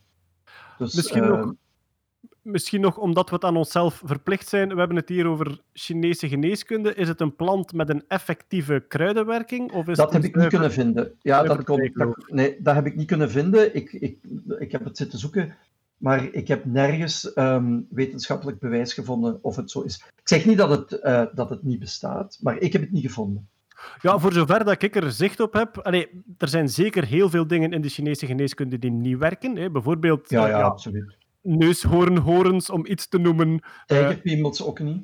Kl- kloppende slangenharten. Hè. Dus het hart van Ja. de slang al kloppend opeten, dat het ze nog een beetje na. Oh, wauw. Really? Ja, ja, ja, ja. Ja. En dat is Maar, allemaal. Ja, die was voor de menselijke potentie, denk ik. Dus een kloppend hart uit een slang. Ja, oké, maar laat ons nu ook niet doen alsof dat heel China rondloopt met idioten die daar... Hè? Uiteraard niet. Uiteraard is- niet. Nee, nee, nee. En je, kan, je, kan, je kan normaal wel, als het over planten gaat, dan wil ik daar altijd wel een beetje, ehm, eh, hoe zal ik zeggen, iets, iets meer meegaander in zijn. In planten Maar, kunnen eh, werkzame stoffen zitten, ja. Ja, absoluut. Eh, als het dan over die exotische dingen gaat, als over kloppende slangenharten, tijgerpiemels en eh berengalblazen, dan heb ik daar al, dan, dan hoeft het voor mij al helemaal niet. Maar ehm, ja, voor planten, goed, daar zijn heel veel, heel veel van onze medicijnen zijn ook gebaseerd op eh, eh, stoffen die in planten zitten. Hè. Ehm, maar goed, ik heb het niet kunnen vinden of het nu effectief ook eh, werkzaam is of niet. Ah, maar ja, maar dat is ook het ding, hè. So- ja, sorry. Ah, Wel, veel, veel van de werkzame stoffen die wij nu gebruiken in de geneeskunde komen Ja. ook uit planten. Dus ooit was dat kruidengeneeskunde, maar ook, ook bij ons, ja, ik ging zeggen was, maar is nog altijd, als je homeopathie erbij neemt. Ja. Ook bij ons was kruidengeneeskunde een mengsel van dingen die echt een chemische werking hadden en dingen die eigenlijk placebo-effect waren. Alleen hebben we dat onderzocht en hebben we dat uitgesorteerd. En Ja. in de woorden van Tim Minchin, mijn grote held Tim Minchin, eh, een, Britse, een Britse zanger die altijd zegt ehm, eh, alternative medicine, dus alternatieve geneeskunde, ofwel is er bewezen dat het niet werkt, ofwel is er nog niet bewezen dat het werkt. Want er bestaat een woord voor alternatieve geneeskunde waarvan bewezen is dat het werkt. En dat woord is geneeskunde. Nee. Dat is eigenlijk wat Dara Brian ook zegt, hè. Echt, ja? Hij heeft daar ook een, ja, hij heeft daar ook een sketch over. Van ja, inderdaad, sommige planten hebben geneeskrachtige werkingen. We tested it all and we named it medicine. And all the rest, and all the rest that didn't work is just a nice bowl of potpourri. Nu, ik wil, ik wil nog even iets zeggen over dat, over dat plantje. Eh, het onderzoek geeft ook aan dat de selectiedruk eigenlijk voornamelijk door de mens eh, wordt veroorzaakt. Want ze hebben het nagekeken en zij vinden geen dieren die, eh, die daar in de buurt van die planten eten. Dus de selectiedruk is puur menselijk. Maar zo zot. Ja, evolutie, hè. zotjes. Ja. Trouwens, ja, eh, ehm, Chinese geneeskunde, zei net al, het is een, een zeer grote groep. Ik heb zeker niet zicht op alles, maar ik ben toch, allee, het is een paar jaar terug, ik wist dat niet, maar acupunctuur is dus ook volledige placebo. Mij is altijd geleerd dat je met, met acupunctuur zo pijn kunt uitschakelen. En Ik heb dat dan eens gevraagd aan een acupuncturist. Van ja, eigenlijk niet. Dan moet je echt zo al twee naalden steken en daar stroom op zetten, maar niet echt. Je hebt een beetje een hypnotiserend effect. Maar dus alle, alle prikpunten van acupunctuur slaan nergens op. Dat is gewoon uit een duim gezogen. Niet uit een duim gezogen, dat is gewoon traditie. Maar ze hebben allerlei testen gedaan waarbij dat ze gewoon op andere plaatsen prikken. En je krijgt exact hetzelfde effect. Dus energiebanen, knooppunten. Chakras. Klinkt zeer mooi. Helaas eh, lijkt niet zo te zijn. Ben je klaar voor de e-mails, Jeroen? Ja, ik was juist... Ja. Wat had jij nu gedaan? Op dit moment een filter aan het zeggen: if message contains acupunctuur. Send standard reply. Nee, Dank maar voor je input. Groetjes, Jeroen. serieus. Ik ben, ik ben nooit ge- geprikt. Ik ben ooit geacupunctuur Eh, mijn kinesist deed dat in avondschool. Dus die heeft mij geacupunctuur. Er gebeurt heel veel hoor. Er gebeurt heel veel. Dat lijkt mij vrij logisch. Je zit met twintig naalden in je rug. Die mens laat u alleen. Je bent eigenlijk tien minuten, een kwartier uiterst geconcentreerd, want je wilt niet dat er iets gebeurt met twintig naalden in je rug. Dus uiteraard heeft dat dat soort effect. Maar heel de theorie van energiebanen en knooppunten en je moet precies daar prikken, ja, blijkt niet zo te zijn. Helaas. Oké, op deze vrolijke noot is het dan nu tijd voor... Elon. Elon Het belangrijkste Musk-nieuws. En ik denk dat Jeroen al een beetje zit te gniffelen en te glunderen, is het feit dat hij een nieuwe bijnaam heeft. Oeh, en it seems to stick. Eh, wat is er gebeurd? Hij had een COVID-sneltest in zijn bedrijf heeft laten installeren. Ja. Hij heeft die op één dag vier keer gedaan. Niet de PCR-test, de andere test. Ik ben het De even kwijt. ja, antigen, antigentest. De antigentest. PC, PCR is de goede trage en de antigen is de, de snelle, De niet snelle, onbetrouwbaar. Ja. Swat, hij begon een beetje te bitchen over het feit dat hij onbetrouwbaar was, terwijl dat, dat gewoon in de handleiding staat. En wat was zijn bijnaam, Jeroen? Iemand op Twitter had het me doorgestuurd. Iemand zei van, eigenlijk is Musk de Space Karen. En voor de mensen die niet bekend zijn met de Karen-trope, dat is een beetje het karakter, een soort van... Ja, het is altijd een, een, een, een middenklasse moederfiguur die in een, een, eh, een winkel steeds de manager wilt spreken. De, de, Klagend, ja. de bedweterige, klagerige trut een beetje. En eigenlijk is Elon Musk de Space Karen. En ik vond dat een zeer goede vergelijking. Want dat is eigenlijk wel een beetje... Hij weet het eigenlijk niet zo goed, maar hij klaagt er toch maar over. Ja, hij wordt, hij wordt helaas geweldig ideologisch gestuurd in zijn opinies over COVID en corona. Ja. En Ja. ik kan me daar echt aan ergeren als mensen in politiek en ook in ondernemerschap zich ideologisch laten sturen over hun eh, opinie over, eh, over COVID. Noels. Ja, En daar gaat de mailbox weer. we mogen niet lachen met Geert, Nuls, jongens. Hij heeft in volle COVID-pandemie heeft hij een tekening gemaakt met woorden op als bescherming, mondmaskers, afstand. Het is een soort van tekening waarin hij die op een soort van cirkel plaatst. En hadden we dat plan maar gevolgd, dan hadden we al deze miserie nu niet gehad. Dus ik, ik, ik ga het opnemen voor Geert Nuls. Geert Nuls heeft een mooie tekening gemaakt en het had allemaal veel beter kunnen gaan. Hadden we maar naar Geert geluisterd. Eh, los van Geert, want dat, dat heb ik niet zo gevolgd. Maar wa- waar dat je mij echt aan kan ergeren, dat is dat zeker politici, maar ook ondernemers vaak. En allee, mijn respect voor ondernemers. Hè. Het is een, een absoluut noodzakelijke motor in de samenleving. Maar op dit moment, dat zijn twee groepen mensen die gewoon zijn van de werkelijkheid te kunnen beïnvloeden door de perceptie te beïnvloeden. Als mensen geloven dat je goed bezig bent, word je herverkozen. Als mensen geloven dat een bepaalde partij gevaarlijk is, dan verdwijnt die ook vanzelf. En die proberen nu hetzelfde met dat virus. Maar dat trekt hen daar niets van aan. Door de perceptie te buigen naar alles valt wel mee, vallen er niet minder doden. En dat kan, daar kan ik mij soms aan ergeren. En dus ja, Muskie Wuskie ook, eh, helaas. Ehm, eh, het ging over de COVID-testen. En dus wat hij schreef was ehm, vier testen gedaan bij hem. Twee waren positief, twee negatief. Same machine, same test, same nurse. Something extremely bogus is going on. En dus een ehm, PhD, Emma Bell, PhD, eh, kankeronderzoekster, gaf de uitleg van ja, die sneltesten, zij, die liggen echt op het randje. Heel veel false positives, false negatives. En dus zij reageert met What's bogus is that Space Karen didn't read up on the test before complaining to his millions of followers. En die Space Karen doet het dan wel. Ehm, ja, ik- ja, het is... eh, de meme game is strong. Want de meeste Karens hebben ook zo een soort eh, kort pittig, eh, een pittig kort kapsel. Ja. Dus ze hebben hem dan ook al zo gefotoshopt. En ja, het is, het is, wel, even, het is wel even lachen. En lieve, Ja, jij en- zei en- veel vals positief, veel vals negatief. Dat is eigenlijk niet waar. Het, de, als de test positief is, dan is hij vaak zeer betrouwbaar.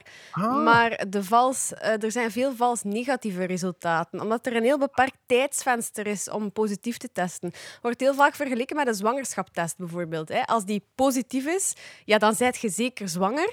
Maar Ja. het is niet omdat die negatief is dat je niet zwanger bent. Je hebt misschien te vroeg getest of zo. Dus dat is een, een vergelijkbare test.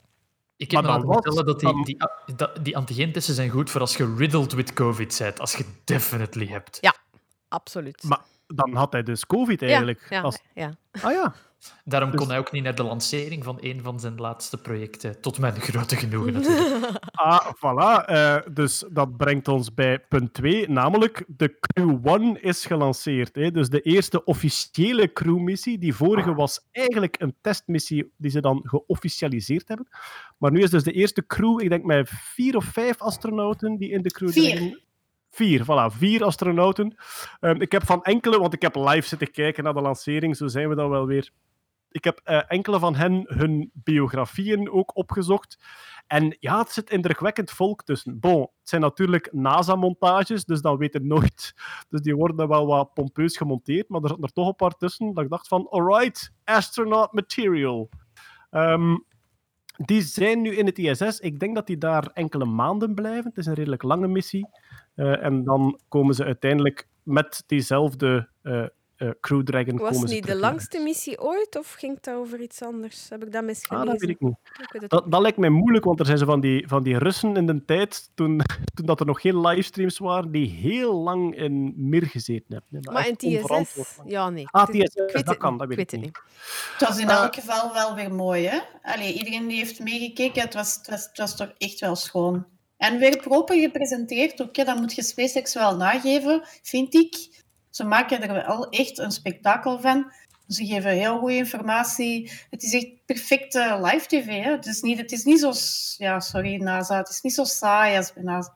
Ja, het is ook een beetje jong. Het is, wat, het is in t-shirt. eh, het zijn meestal jonge mensen die presenteren. Ik vind het inderdaad goed gedaan. Eén jammer iets.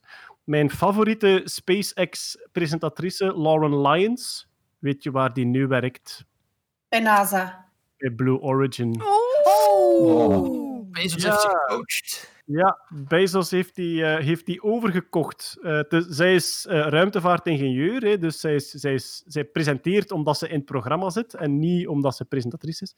Zij is ruimtevaartingenieur en zij zit nu bij Blue Origin. Er is heel veel verloop hè, tussen, die, tussen die ruimtevaartpioniers. Ik hoop alleen dat ze daar nog livestreams mag doen, want ik vond die zo helder en rustig dat dat eh, mijn favoriete was van, eh, van de bende. Ehm Oké, ja, dus die Crew Dragon die hangt nu aan het ISS. We hebben ook nog nieuws uit de Tesla-hoek. Want Jeroen, er is een Tesla Model X gehackt. Ja. En dat was een eh, Belgische hack, denk ik. Ja, dat was aan eh, COSIC, dat is het departement van Bart Preneel, eh, wereldautoriteit op vlak van eh, encryptie. De man die mij overigens ook bijna gebuist heeft op discrete algebra, maar daarover later meer. Ehm, dat is een enorm slimme kerel.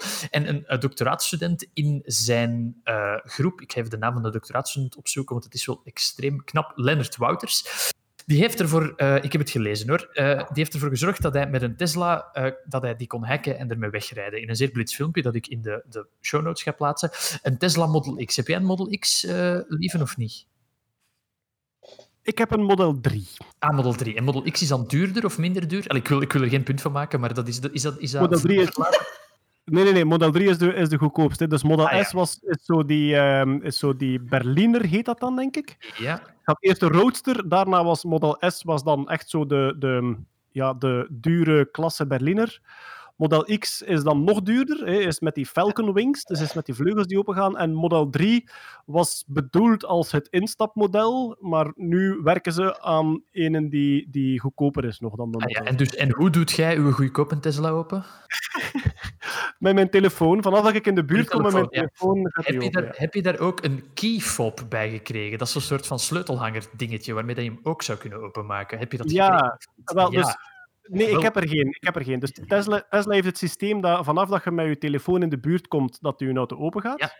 Ehm, En je kunt daar nog... eh, je hebt ook eh, twee kaartjes, sleutelkaartjes, die je er moet tegenhouden. En inderdaad, de key fob, die heb ik niet. is een sleutelhanger waar dat een beacon in zit of zo. Wel, dat is dus wat er gehackt geweest is. Daar zit, eh, dat, dat werkt via Bluetooth, Bluetooth Low Energy. En ehm, die, die, die keyfob, eh Lennart heeft een manier gevonden om die software van die keyfob te updaten naar eh, malicious software dat u informatie kan geven. Dus hoe gaat het in zijn werk? Het is heel mooi in het filmpje te zien. Er komt een familie aan, vrolijk met hun auto. Het is ook zeer mooi in scène gezet. Er komt een familie aan, die gaan lekker op een bankje bij het departement EZAT picknicken. En dan moet je, zetten we hun auto nooit op de parking van EZAT, want ze zijn ermee weg. Eh, Lennart, Lennart En loopt ze, spelen, eh, ze spelen er Doom op. ja, Lennart loopt naar buiten met een, een Raspberry Pi-bord. Nog, nog een, een leuke toepassing van de Raspberry Pi. En die heeft met een Electronic Control Unit, dat is een schakeling uit een andere Tesla, eh, kan die aan die keyfob zeggen, hallo, het is tijd om je te updaten. En dan zegt die keyfob, ah, oké, hier ben ik, geef mij nieuwe software. En aangezien dat die software niet ondertekend is, slaagt Lennart er dus in de eerste fase om, om die keyfob over te nemen, terwijl dat gezin dat je nog altijd op dat bankje lekker boterhammetjes zit te eten. Dit kan van op een afstand van 30 meter, dat is voldoende, want Bluetooth Low Energy, eh, ja, 30 meter kan je genoeg energie opwekken om dat ding te flashen. Dus dan staat daar nieuwe software op, geschreven door Lennart. Kan die van die keyfob de sleutels ontcijferen die dat die keyfob normaal naar de Tesla zou sturen. Dus die loopt met die digitale sleutels naar de parking. Daarmee krijgt hij de Tesla al open. En dan heeft hij een eigen keyfob die dat hij geflasht heeft. En daar kan hij door een diagnostisch connectorpaneel open te futselen aan, aan het stuur van de Tesla. Dus het zijn twee hacks, hè? die keyfob updaten en die keyfob dan ook nog eens wijsmaken aan de auto van hallo, dit is de normale keyfob, alles is oké, start de auto, laat mij vertrekken. Dat is dus een tweede exploit waar ik niet zo veel op heb bijgelezen, want dat was redelijk technisch. Eh, eh, en dan kan hij wegrijden met de auto. Dus het is het updaten van de software die draait op die keyfob. Ja, wat is dat? Op die sleutelhanger die tegen de auto zegt je mag opengaan en dan diezelfde sleutelhanger emuleren, dus vals spelen om tegen de auto te zeggen je mag vertrekken. En ja, dat is gelukt, dan kun je daarmee wegrijden. Ze hebben dat uiteraard, goede wetenschappers als ze zijn, eh, eerst aan Tesla gemeld en het is al gefixt in een update die eh, in augustus hebben ze het ontdekt en de update is een paar dagen geleden uh, gereleased. Dus het is al opgelost, maar het blijft een, een knap staaltje van, van, van, ja, van, van hacking, van technologie. Dus knap gedaan. Dus wat, wat je normaal doet met de klassieke draadloze sleutel is geduwd op de knop van je sleutel en die stuurt een code uit. Dat is nooit dezelfde code. Er zit een vaste volgorde in die zowel de sleutel als de auto kennen. Maar een, een gewone draadloze sleutel die communiceert maar in één richting. Hè. Het is niet dat je die kunt updaten, dat je daar software kunt opzetten, maar dus die, die, uh, die keyfobs, die worden effectief geüpdate van software, dus die hangen aan de wifi eigenlijk. Ja, blijkbaar, de, ja, die worden effectief geüpdate. Die hangen niet aan de wifi, die zetten zich op een bepaald moment open naar de auto. Dus de auto port die en zegt van het is tijd voor een update. En dan zetten die sleutels zich even open om nieuwe software te ontvangen. En het is net dat porren, het is tijd voor een update, dat Lennart kan, kan vals spelen met zijn Raspberry Pi-bord om tegen alle sleutels in de buurt te zeggen hallo jongens, het is tijd voor een update. Geen zorgen, deze komt van Tesla hoor. Wink, wink, nudge, nudge. maar ik heb, uh, ik heb naar aanleiding van dat nieuws heb ik zo... Uh bewakingscamerafilmpjes zitten kijken van mensen die auto's stelen. Tegenwoordig heeft een autodief een laptop bij. Ja, ja. Of een tablet. En die loopt gewoon rond je huis om te proberen om dat sleutelsignaal op te vangen. En dus de moment dat die dat sleutelsignaal opvangen, sturen die dat door naar iemand die vlak bij de auto staat. Die kopieert dan aan de auto en dan is die auto los. Dat is toch, ja... Je moet tegenwoordig al, je moet al avondschool IT gevolgd hebben om motto's te kunnen pikken ook, zeg. Die film Gone in 60 Seconds met Nicolas Cage en Angelina Jolie, die is een pak saaier, zouden die vandaag verfilmen, denk ik. De jonge Angelina Jolie, ja. En, ja. en, Nicolas Cage, die samen op een laptop kijken. Maar ja, van Nicolas Cage... Uh... nog kijken, ja van de jonge Nicolas Cage ga ik niet zo in de verte staren. Dat ja, ik, kijk. Uh, ja, van die dreadlocks van uh, dingen toch ook niet echt.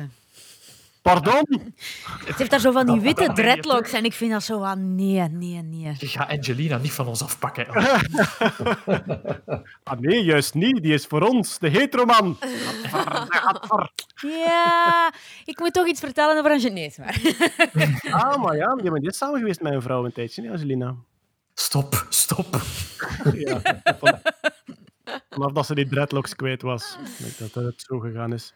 Uh, ja, ik vond het ook wel super cool hoe dat dan zo een. Um, eigenlijk een soort uh, ethische hacker, academische dienst hier in België niet alleen dat klaarspeelt, maar dat die ook nog een soort Hollywood aan de Schelde-achtig filmpje maken om uit te leggen hoe het gebeurt. Echt zo met ja, denk de onderzoeker zelf dan, die al, als, al acterend met een iPad heen en weer loopt tussen de, de auto-eigenaar en de auto zelf. Ja, het is een uh, tof filmpje. We zetten het in de show notes en die vind je op maandoverzicht.nerdland.be. Na al uw versprekingen de vorige keer heeft uh, Kurt heeft ervoor gezorgd dat podcast.nerdland.be ook gewoon werkt. We waren het zo beu, dankjewel Kurt. Abundant. Uh, ik heb nog één nieuwsje over een andere uh, gorilla uit Silicon Valley en dat is Mr. Branson, want zijn Hyperloop-bedrijf, Virgin Hyperloop, heeft de eerste bemande Hyperloop-rit uitgevoerd. Ja, dat is juist. Ja, dus de... Ik wist niet dat dat Branson zijn was die dat hadden gedaan. Ze hebben er verschillende, dus ja... Ja, ik heb het gezien, maar ik... Ja. Er is ook, een, er is ook allez, een, van de, uh, een van de koplopers zit in Nederland. Hè, dus uit het team ja, ja. 11 is er een goede pot ontwikkeld. En die hebben nu, denk ik, een spin-off bedrijf dat hard eet. Hard met DT op het einde. En dat is een Hyperloop bedrijf. En die zouden willen testen in uh, Friesland, geloof ik, rond Leeuwarden.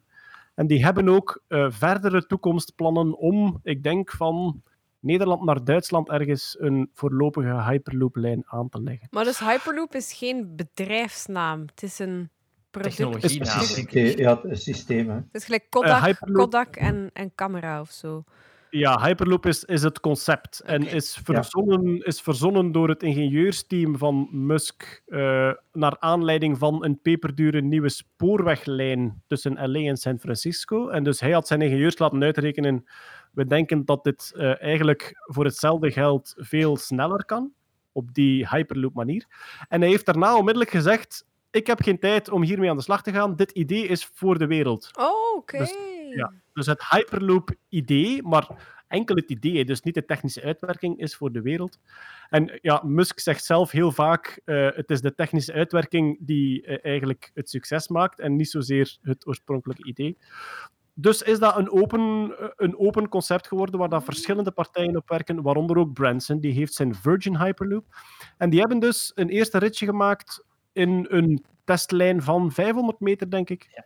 Ehm, met twee werknemers van het bedrijf, namelijk, als ik me niet vergis, de CEO en de vrouw die de dienst communicatie leidt, in een soort sterk staaltje van eat your own dog food, zijn die twee dus eh, als eerste daarin gaan zitten en hebben een ritje gemaakt. Ja. Uiteraard meng ik mij in de cynische commentaren op Twitter als het ook maar gaat over iets dat vaagweg met Musk te maken heeft. En er was volgens mij wel een oprechte commentaar. Dat ding haalt een snelheid van, ik weet niet precies wat dat de snelheid was, maar het kwam erop neer dat er in Japan en China al eh, magnetic levitation treinen rondrijden die veel per volk vervoeren. Ongeveer even snel. Ja. Dus eigenlijk wat dat ze op heel omwegachtige manier hebben uitgevonden is een tweepersoonstrein. Proficiat. Het is een testfase, het is prototype en Maar de snelheid. Ja, Ik, de, ik heb de originele, de originele vision van Musk terug opgezocht. Het komt neer op een... Het, het is weer Elon Musk die daar denkt aan... Oh, ik wil snel met een trein kunnen rijden, maar ik wil al die arme mensen niet op mij hebben. Wat als ik mijn eigen trein bouw? En hij gaat heel snel. Dat is weer wat dat er gebeurd is. En we zijn er niet niemand uitvullen. akkoord. Ja, ik ben kijk. niet akkoord. Eh, de, ja, ik bedoel, Elon Musk is ook de man die op een dag dacht: wat als ik raketten nu eens terug kan doen landen? En ze landen. Dat is En- niet de eerste dat dat bedenkt. Hè. Kom op, hè. Nee, maar het is wel de eerste die het doet, hè? Dat is de Ah, ja. eerste mens die voldoende poen bij elkaar had geschraapt om de juiste ingenieurs aan te nemen om dat te doen. Trouwens, als eh, treinreiziger moet ik zeggen dat ik ook liever geen arme mensen op mij heb in de trein. Oeh, amai, ik heb al shit gekregen voor deuren. Els, deze is voor jou. Ik denk dat we elk onze eigen mailbox moeten openen. Na- naast mij, voor alle duidelijkheid, naast mij mogen ze zitten. Hè. Ik heb ook geen, niet graag rijke mensen op mij in de trein. Hè. Geen mensen gewoon, gewoon misantroop. Ja. Behalve ik, hè. Ah, weet je nog? Toen we op de trein lekker, lekker dicht bij elkaar mochten staan. Ah, Ja. Waar is de tijd? Eh, goed, ja, voilà. Maar dus die Hyperloop heeft zo een testritje gemaakt. En ja, dat stelt niet veel voor, want dat is een paar honderd meter. Dus de, de uiteindelijk, het uiteindelijke doel zou zijn om in een vacuüm, of een bijna vacuümbuis, magnetisch geleviteerd tot 1000 km per uur of sneller te gaan. Rondreizen in een vacuüm, ongeveer ook de plek waar het bedacht is. Goed. Volgende. Nee, Veel, nee, nee. veel hype, weinig loop. Laat u, Heb ik nog? Laat u- Heb ik nog? Nee, ik ben leeg. Ik ben leeg. laat u wegsleuren door, door de ideologische polarisering. eh. Beter dan mij te laten wegsleuren door eh, Elon Musk zijn dodelijke kogelraket. Goed. We gaan het Musk-nieuws hier afsluiten. We hebben belangrijke dingen om over te bekvechten, zoals Deurne en Merksem. Ehm, dit was het Musk-nieuws en dan hebben we nog een paar dingetjes staan. Ja, het was mij compleet ontsnapt vorige maand, maar James Randi is overleden. Zo spijtig. Ja. Ja. Eh, iemand die James Randi eh, ja, gevolgd heeft, favoriete filmpjes heeft, favoriete... Je moet mij even helpen. James Randi, eh, vijf, James vijf kernwoorden, hè. de slimste mens geweest. James Randi was een eh, Amerikaanse goochelaar. En ja, Ja. illusionist bestond nog niet toen. Dus hij was eigenlijk een goochelaar die op een bepaald moment... Dus ja, hij is nu overleden. Ik denk dat hij 80 was, dus hij gaat echt wel al heel lang mee. Die op een bepaald moment in de jaren 60 en 70 zag van... Wacht eens, er zijn hier redelijk wat van die helderzienden en telekinetisch en van die wondermannen die dezelfde trucs doen als ik, maar zeggen dat het door gedachten lezen komt enzovoort. En zoals e- eigenlijk is dat vandaag, heb je heel veel goochelaars die ook in de sceptische beweging zitten en eigenlijk aanvechters zijn van pseudoscience en van bedrog. En James Randi is daar een beetje de uitvinder van en een beetje het boegbeeld van. Hij is de man die Yuri Geller ontmaskerd heeft. hè. Yuri Geller die zo lepeltjes kon buigen door energie van de kosmos door zijn duim in het lepeltje te sturen. Maar eigenlijk gewoon heel hard op het lepeltje knip. Ja, die, vooral, die lepels waren geprepareerd. hè. Dus de truc is simpel. Ja. Je pakt een theelepeltje, je plooit dat 30 keer, eh, je plooit dat 30 keer naar boven en naar beneden, waardoor dat, metaal heel zwak wordt. En dan kun je door te doen alsof dat je zacht wrijft, maar een beetje te duwen, kun je heel gemakkelijk die lepel buigen. Mm. En James Randi, dus Yuri Geller, ging naar talkshows en bracht zijn eigen lepels mee. En James Randi heeft ervoor gezorgd dat hij tijdens een talkshow een plateau lepels voor zijn neus kreeg, die gewoon van backstage kwamen. Oeh.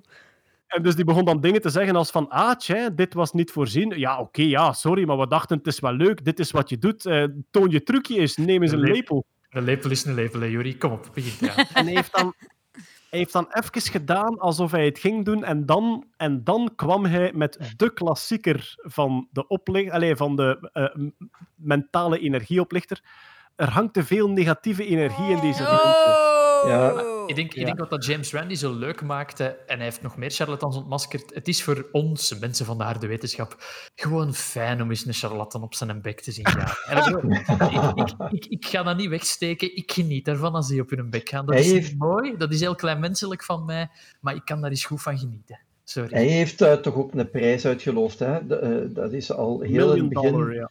Ja, dat is uiteindelijk dat is, begonnen met 1000 dollar, denk ik. En uiteindelijk is dat een miljoen geworden.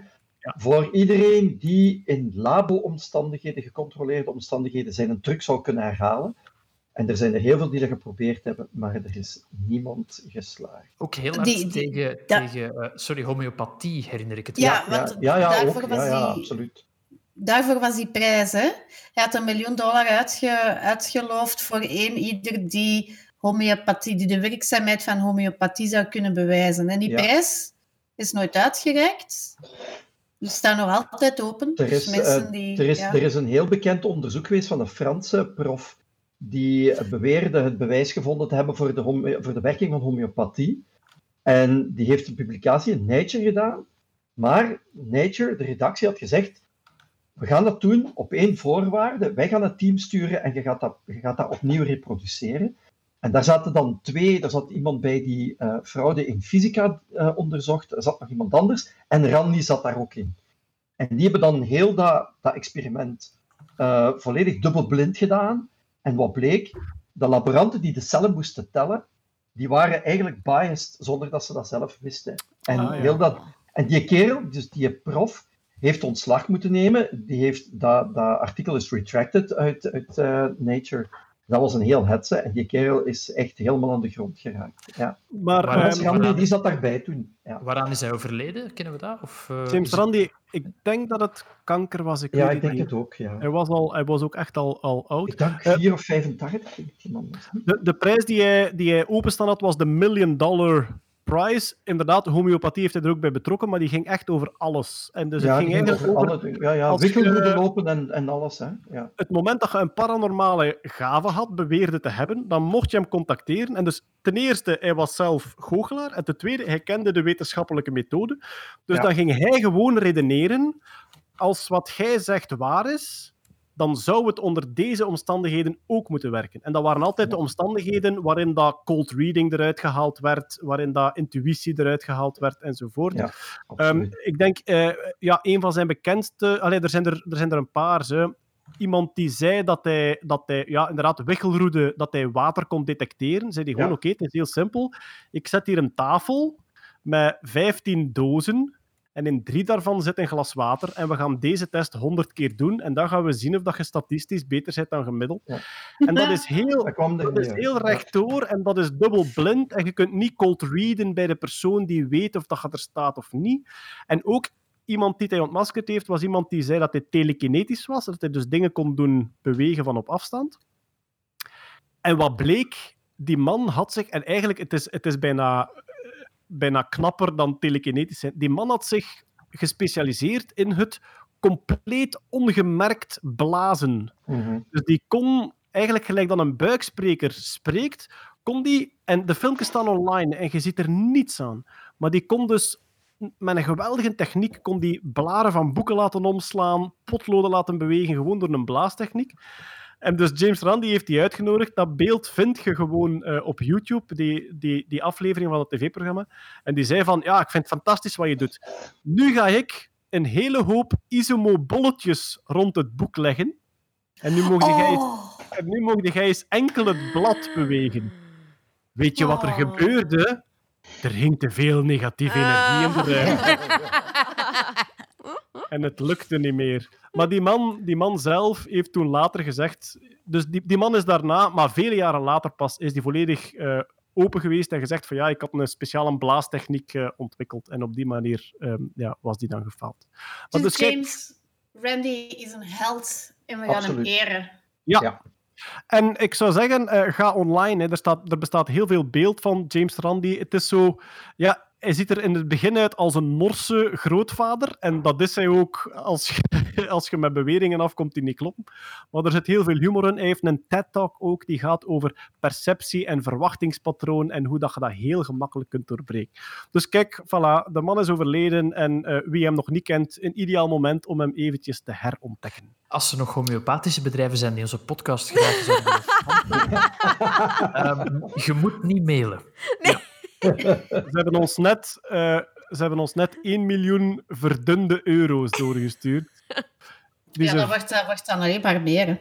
Want Voilà. als je dat even misschudt, dan... voilà. Gestopt, eh, gestopt eigenlijk een briefje van, van eh 10 euro stopte in een pak A4-papier. Je schudt daar een keer goed mee. En dat is op zee een miljoen geworden. Het is echt een mirakel. Hetty, we hadden nog eh ja, biologie-nieuws en ook hersennieuws. Dus ik neem aan dat Stefanie ook wel meepraat. Ehm, Why some memories feel like movies stond er. En het is een soort ontdekking van waarom bepaalde herinneringen zo bijna filmisch opgeslagen blijven in ons brein, als ik me niet vergis. Ja, veel van onze herinneringen die zijn gekoppeld aan een bepaalde tijd of een bepaalde plaats. En, en vaak zelfs, allee, zoals in een film. En ze geven het voorbeeld, als je valt met je fiets bijvoorbeeld, je herinnert je eerst dat de wind in je haar blaast, maar dan dat je de tramspoor ziet en dan dat je je voorwiel in de tramspoor ziet belanden en dan dat je op de grond ligt. Dus dat is echt een, een soort filmisch geheugen dat wij hebben van, van bepaalde herinneringen. Ze noemen dat ook een episodisch geheugen, dus in episodes dat wij ons dingen herinneren. En eh, de cellen in ons brein die, die zo'n soort geheugen mogelijk maken, dat zijn time cells, of dus tijdscellen. Nu, die zijn tientallen jaren geleden al ontdekt in, eh, in knaagdieren. En er was ook heel veel indirect bewijs voor dat die in mensen eh, aanwezig zouden zijn. Maar nu hebben ze dus voor het eerst echt direct waargenomen in een menselijk brein.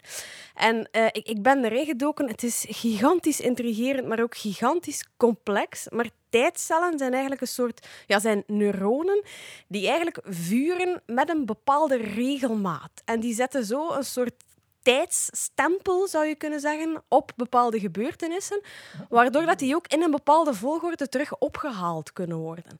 Ehm, een een heel vereenvoudigd voorbeeld, als we bijvoorbeeld woorden in een bepaalde volgorde zouden moeten onthouden, bij het eerste woord gaat tijdcel 1 vuren, bij het tweede woord gaat tijdcel 2 vuren, bij het derde woord tijdcel 3 enzovoort. Ik geef even een voorbeeld alsof dat je man, woman, camera, TV. Pers- person. Pers- man, person, camera, TV, woman. Als je dat moet onthouden, dan wordt dat gelabeld. Ja, voilà. Ehm, ja, en die timestamps, ja, die kunnen gebruikt worden hè, om achteraf die volgorde terug op te halen. Dat is natuurlijk veel ingewikkelder dan, dan dit voorbeeld, want dat gaat echt van milliseconden tot soms dagen en weken dat wij bepaalde volgordes kunnen onthouden.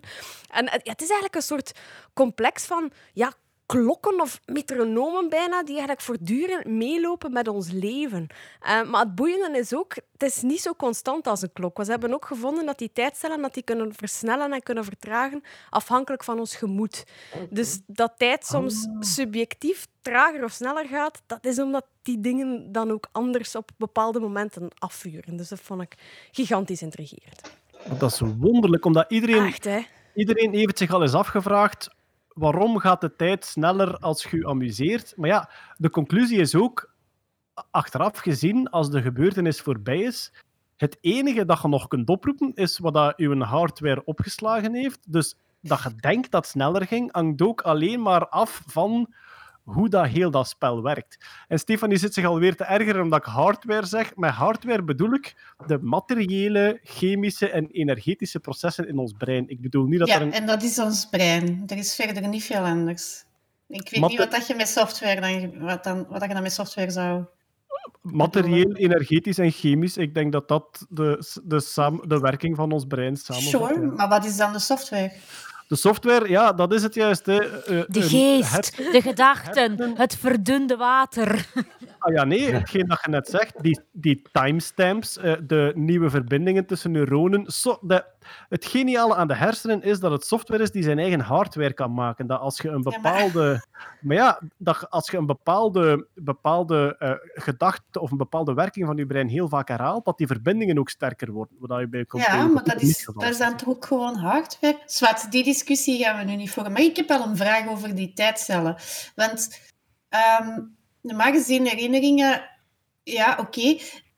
Er zit ook wel een logische volgorde in herinneringen. Hè?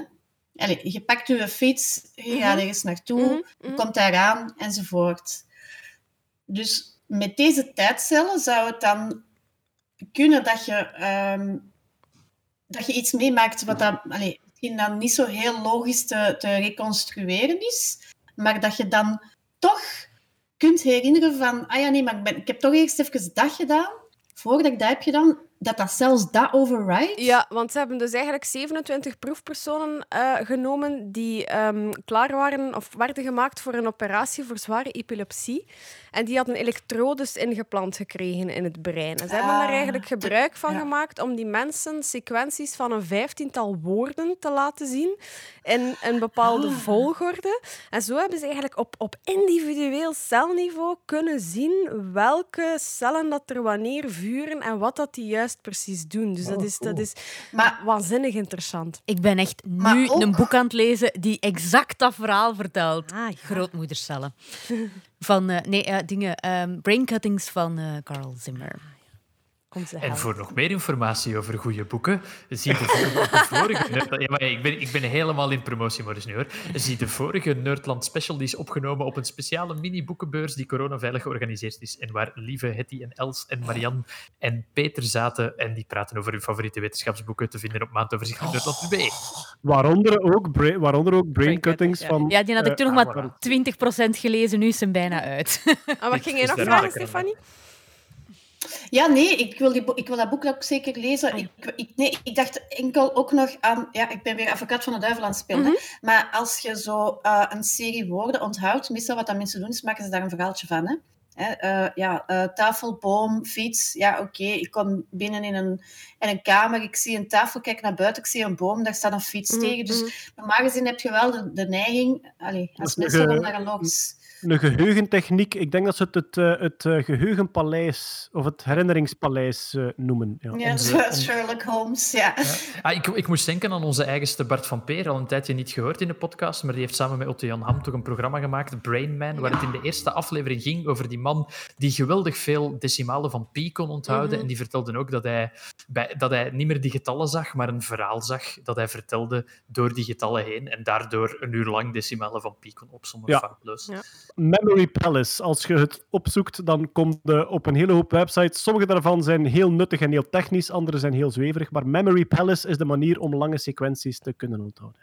Maar daar heeft het dus niks mee te maken. Het gaat echt over de, de imprint van een bepaalde indruk. En daar heeft dan een, er zit dan een timestamp in. Ja, klopt. Het is heel technisch. Ik heb het artikel gelezen. De helft versta ik er niet van. Het gaat hier gezegd mijn padje te boven. Dat is ook logisch. Maar ze hebben ook heel lang gedacht dat er een soort plaatscomponent aan zat. Want ze wisten al heel lang dat wij place cells hebben in ons brein. Die dus ja, vuren als wij op bepaalde plaatsen staan. En ze hebben heel lang gedacht, als ze die experimenten met muizen doen... Ja, maar ja, die muizen weten waar in de kooi dat ze waren als ze een bepaald geluid hoorden. Dus dat is gewoon plaats dat dan tijd vervangt. Maar blijkbaar is het toch volledig onafhankelijk van elkaar.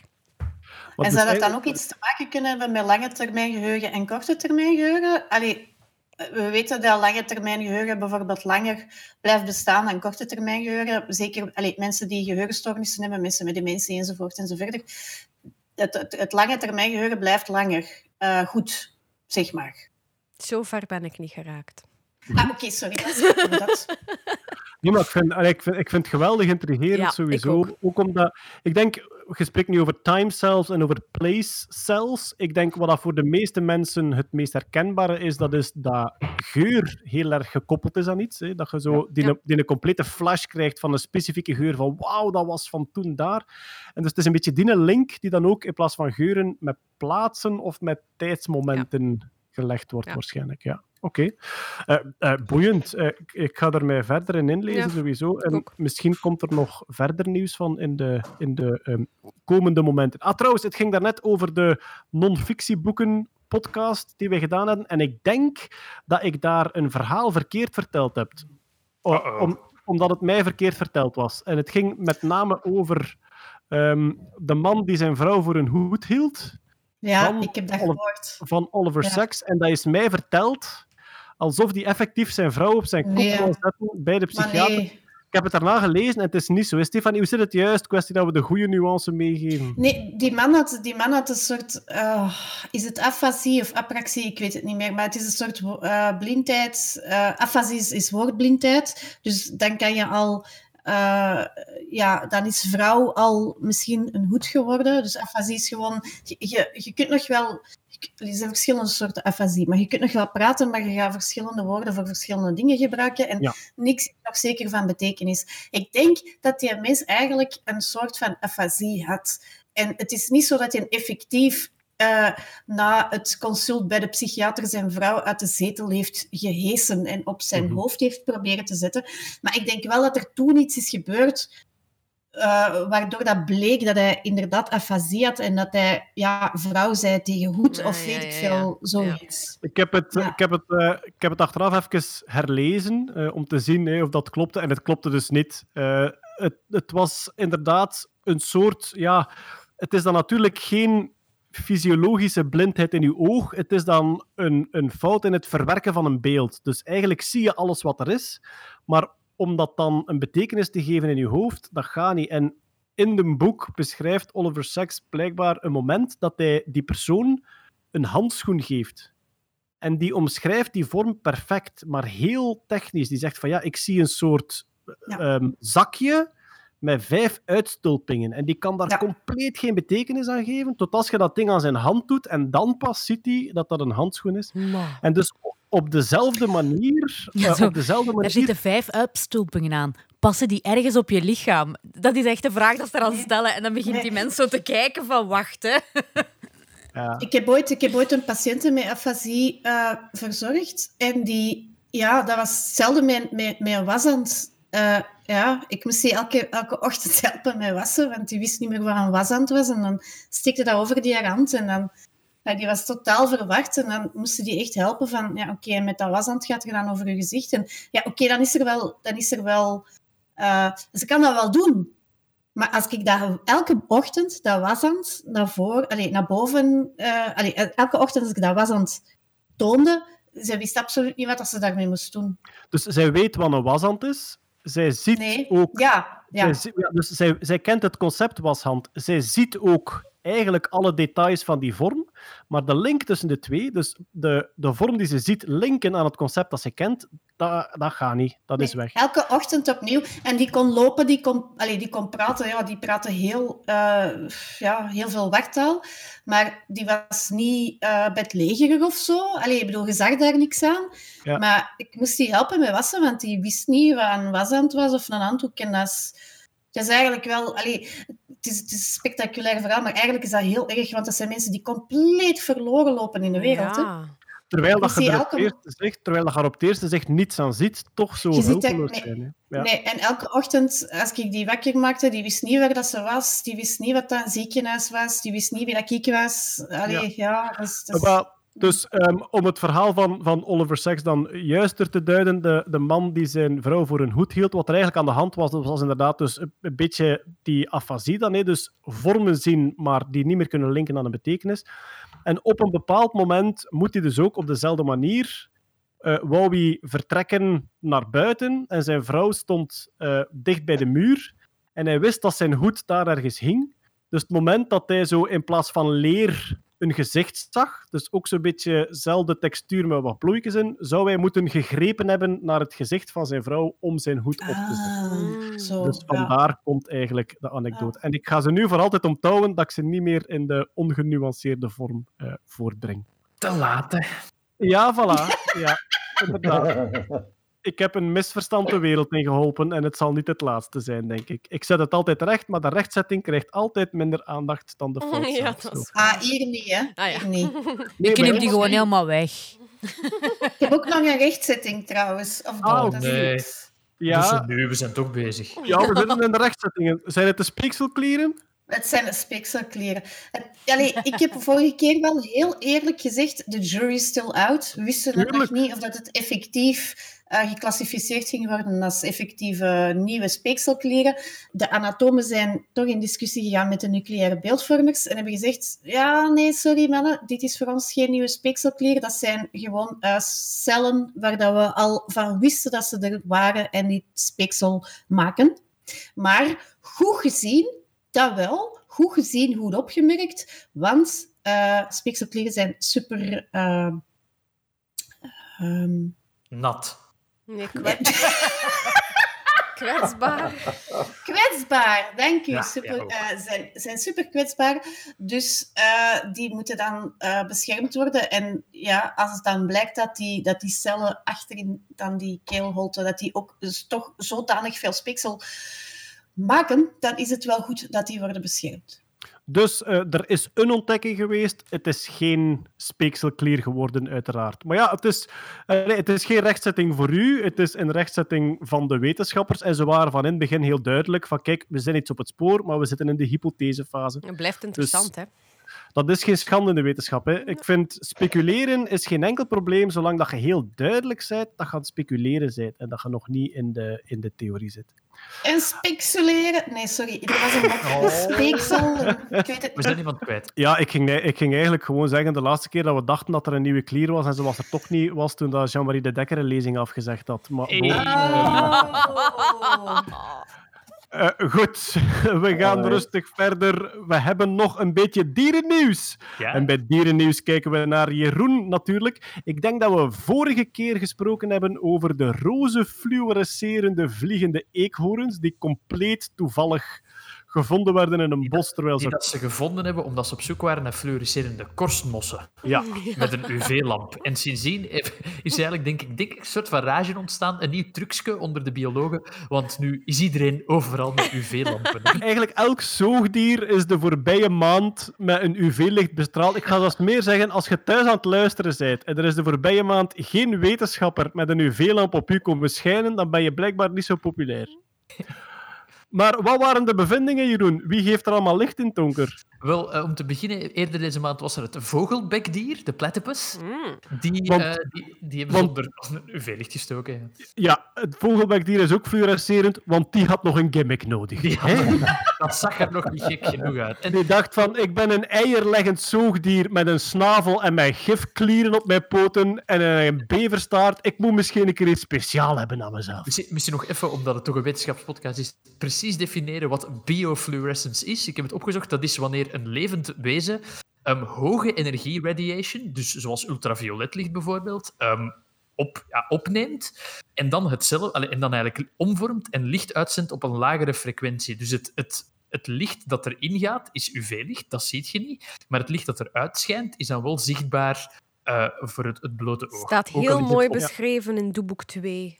Voor de Ah, kleine daar nerds. hebben we een bruggetje. Daar, daar Het zie- Nerdland, eh, het Nerdland doeboek voor kleine nerds 2, daar staat inderdaad een, een doe-projectje over fluorescentie, waarin dat we het beschrijven. Het is de energie van onzichtbaar licht opvangen en uitstralen als zichtbaar licht. eigenlijk, ja. Nu schaam ik mij een beetje. Ik zit daar nog niet in het doeboek, maar Poncho heeft al, Poncho, Poncho heeft al tot daar gelezen. Poncho Je kan- heeft het je kan de oplossingen van de gezien. Je kan de oplossingen van de puzzels achteraan vinden, Jeroen. Dan gaat het sneller. Ja, het is te moeilijk voor mij, jongens. Dat staat van 8 op 14 jaar. Ik eh overschat de- Jeroen. Goed, nee, maar dus eh, het, het is ontdekt dat, dat eendebekdieren dat hebben, maar het is nog niet duidelijk waarom. En dat is eigenlijk bij alle dieren waar dat ze het op gevonden hebben, het is niet duidelijk waarom. Eh, want het zijn zowel de mannen als de vrouwen bij de eendebekdieren die het hebben. Eendebek, vogelbekdieren, eendebekdieren. Jesus Christ, dat is een soort van gynaecologie. Ja. Nee, Eendebekdieren zijn gewoon eenden, veronderstel ik. Dat is, eh, dat eh, ja, nee. Dat is waarschijnlijk... Ik ga de- vannacht van dromen, van eendebekdieren. Ofwel is dat gewoon de, de lelijke stagiair bij de gynaecoloog, het eendebekdier. Oh. Ik heb, ik heb mij een, een halve martini ingeschonken en ik ben al totaal pokkensjaak. Goed. Maar het is dus Gewoon van de geur alleen al, hè? Ja, absoluut. Eh, martini, shaken, dat soort. Maar het zijn dus wel de mannen als de vrouwtjes van de vo vogelbekdieren die het hebben. Ja, nu is het juist. Ehm, en het is waarschijnlijk niet om te communiceren. Ehm, wat dat de gooi is als ze er naar doen, is het kan zijn dat de, de camouflage helpt om eh, vogelbekdieren te beschermen tegen, eh, tegen roofdieren, die vaak ook ehm, UV-gevoelig eh, oog hebben. En dan dacht ik van, ja, maar dat is toch niet logisch, want dan vinden die die gemakkelijker. Maar waarschijnlijk kan dat dier zich dan ver- verbergen tussen andere biofluorescent dingen. Dus het is nog een beetje vaag waarom. Ja. Ja, maar ik vind het wel uitermate boeiend. Hè? Dus Ja. Ik zit ergens ook te denken, zou het niet gewoon een soort chemisch toeval kunnen zijn, dat je daar een eiwit hebt met een totaal andere functie, dat dan eigenlijk per ongeluk als side effect ook UV-licht omzet in zichtbaar licht? Ja, bon, dat is heel speculatief natuurlijk. Een bekende, een bekende bioloog, Michael Bock, die heeft eh, waarschuwingen geuit naar eh, de, de vogelbekdieren en het andere dier waar we het zo over gaan hebben, die eh, UV, allee, die biofluorescent zijn. Ze zeggen van, be careful about applying ecological or visual relevance to this phenomenon. Many biological materials fluoresce, but the lighting conditions where it is visible to anything are incredibly unnatural. Ja. It is extremely implausible that this is a visual signal. Dus voorlopig is Ah, het ja. cool en goed dat we het Ja. ontdekt hebben, maar zoek er niet meteen een reden achter. Soms is shit gewoon raar. Oké, Maar dan moeten we nog naar het andere ja. dier, want er is nog een pijltje Ja. gevonden dat licht geeft in het... do- Allee, ik zeg wel licht in het donker, dat is niet zo. Hè. Dat UV-licht omzet in zichtbaar licht. En Jeroen, ik merk het aan je Ja. popelende billetjes Ja. om welk dier het gaat. Het is namelijk... het is de wombat. Het is de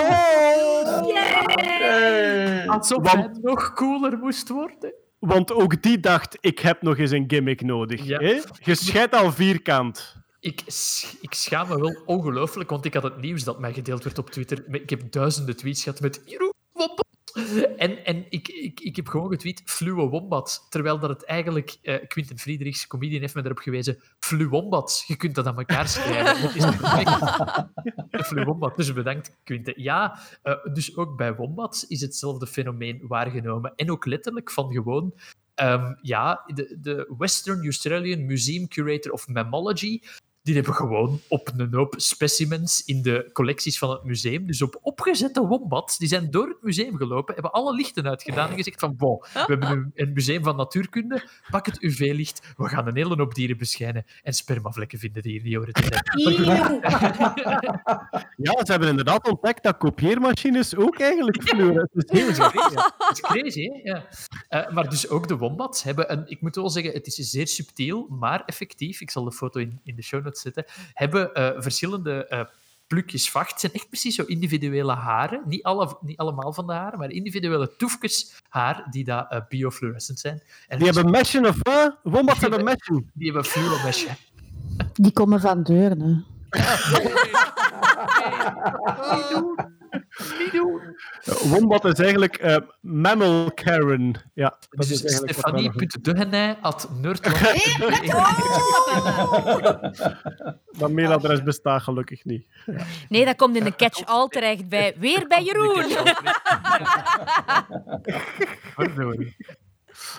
Alles kwam van de eh, vliegende eekhoorns die fluorescent waren. En de voorbije maand heeft iedereen met een opgezet zoogdier in het museum eigenlijk gewoon hele nachten met een UV-lamp door het museum gebanjeerd. En er zijn dingen gevonden, het vogelbekdier en de wombat. Maar het grootste nieuws uit de biologie moeten we toch nog krijgen, Jeroen. Hier komt hij. Johnny Rotten is in zijn piet gebeten door een vlo. Oh, we zijn te laat. Was dit te- te- te- te- nieuws? Dit is Ja, het enige nee. te- te- te- nieuws dat we hebben. Hè. Er Maar gaat ja, weinig dreiging van uit, vind ik. Ja, Johnny Rotten, eh, frontman van de Sex Pistols, legendarische punkman, is over het laatst in het nieuws geweest omdat hij een zeer openlijke Donald Trump MAGA-aanhanger is. Die woont in... Wat? eh, ja, ja, Ja, ja, ik kon niet- Ja. Oh Ik had- no! Ik had exact, ik had Ja. exact dezelfde reactie. Het is niet omdat je tegen alles schopt en rebels bent en dat een paar jaar aan onze kant gedaan hebt, dat je niet even zot en rebels bent door de andere kant uit te schoppen. Hè. Eh, kijk, Johnny Rotten is een Trump van sorry jongens, de wereld is een beetje minder mooi geworden, we gaan ermee moeten leven. Hij, heeft, hij woont tegenwoordig extreem punk in Venice Beach in Los Angeles. Dat zal er wel een chique buurt zijn. En eh, in zijn buurt, zijn groot landgoed waar hij woont, had hij eekhoorntjes. En Johnny Rotten, extreem punk als hij is, heeft die eekhoorntjes in huis genomen. Die mogen met hem eh, leven.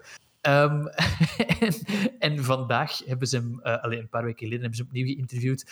En hij zegt, eh, ik, ik citeer, I looked, down this, I looked down there this morning at my willy, and there's a fucking flea bite on it. And there's another one inside of my lake. Dus ja, spijtig genoeg, als je eekhoorns in huis houdt, eekhoorns zijn niet echt geweldig te domesticeren. Die dragen vlooien met zich mee.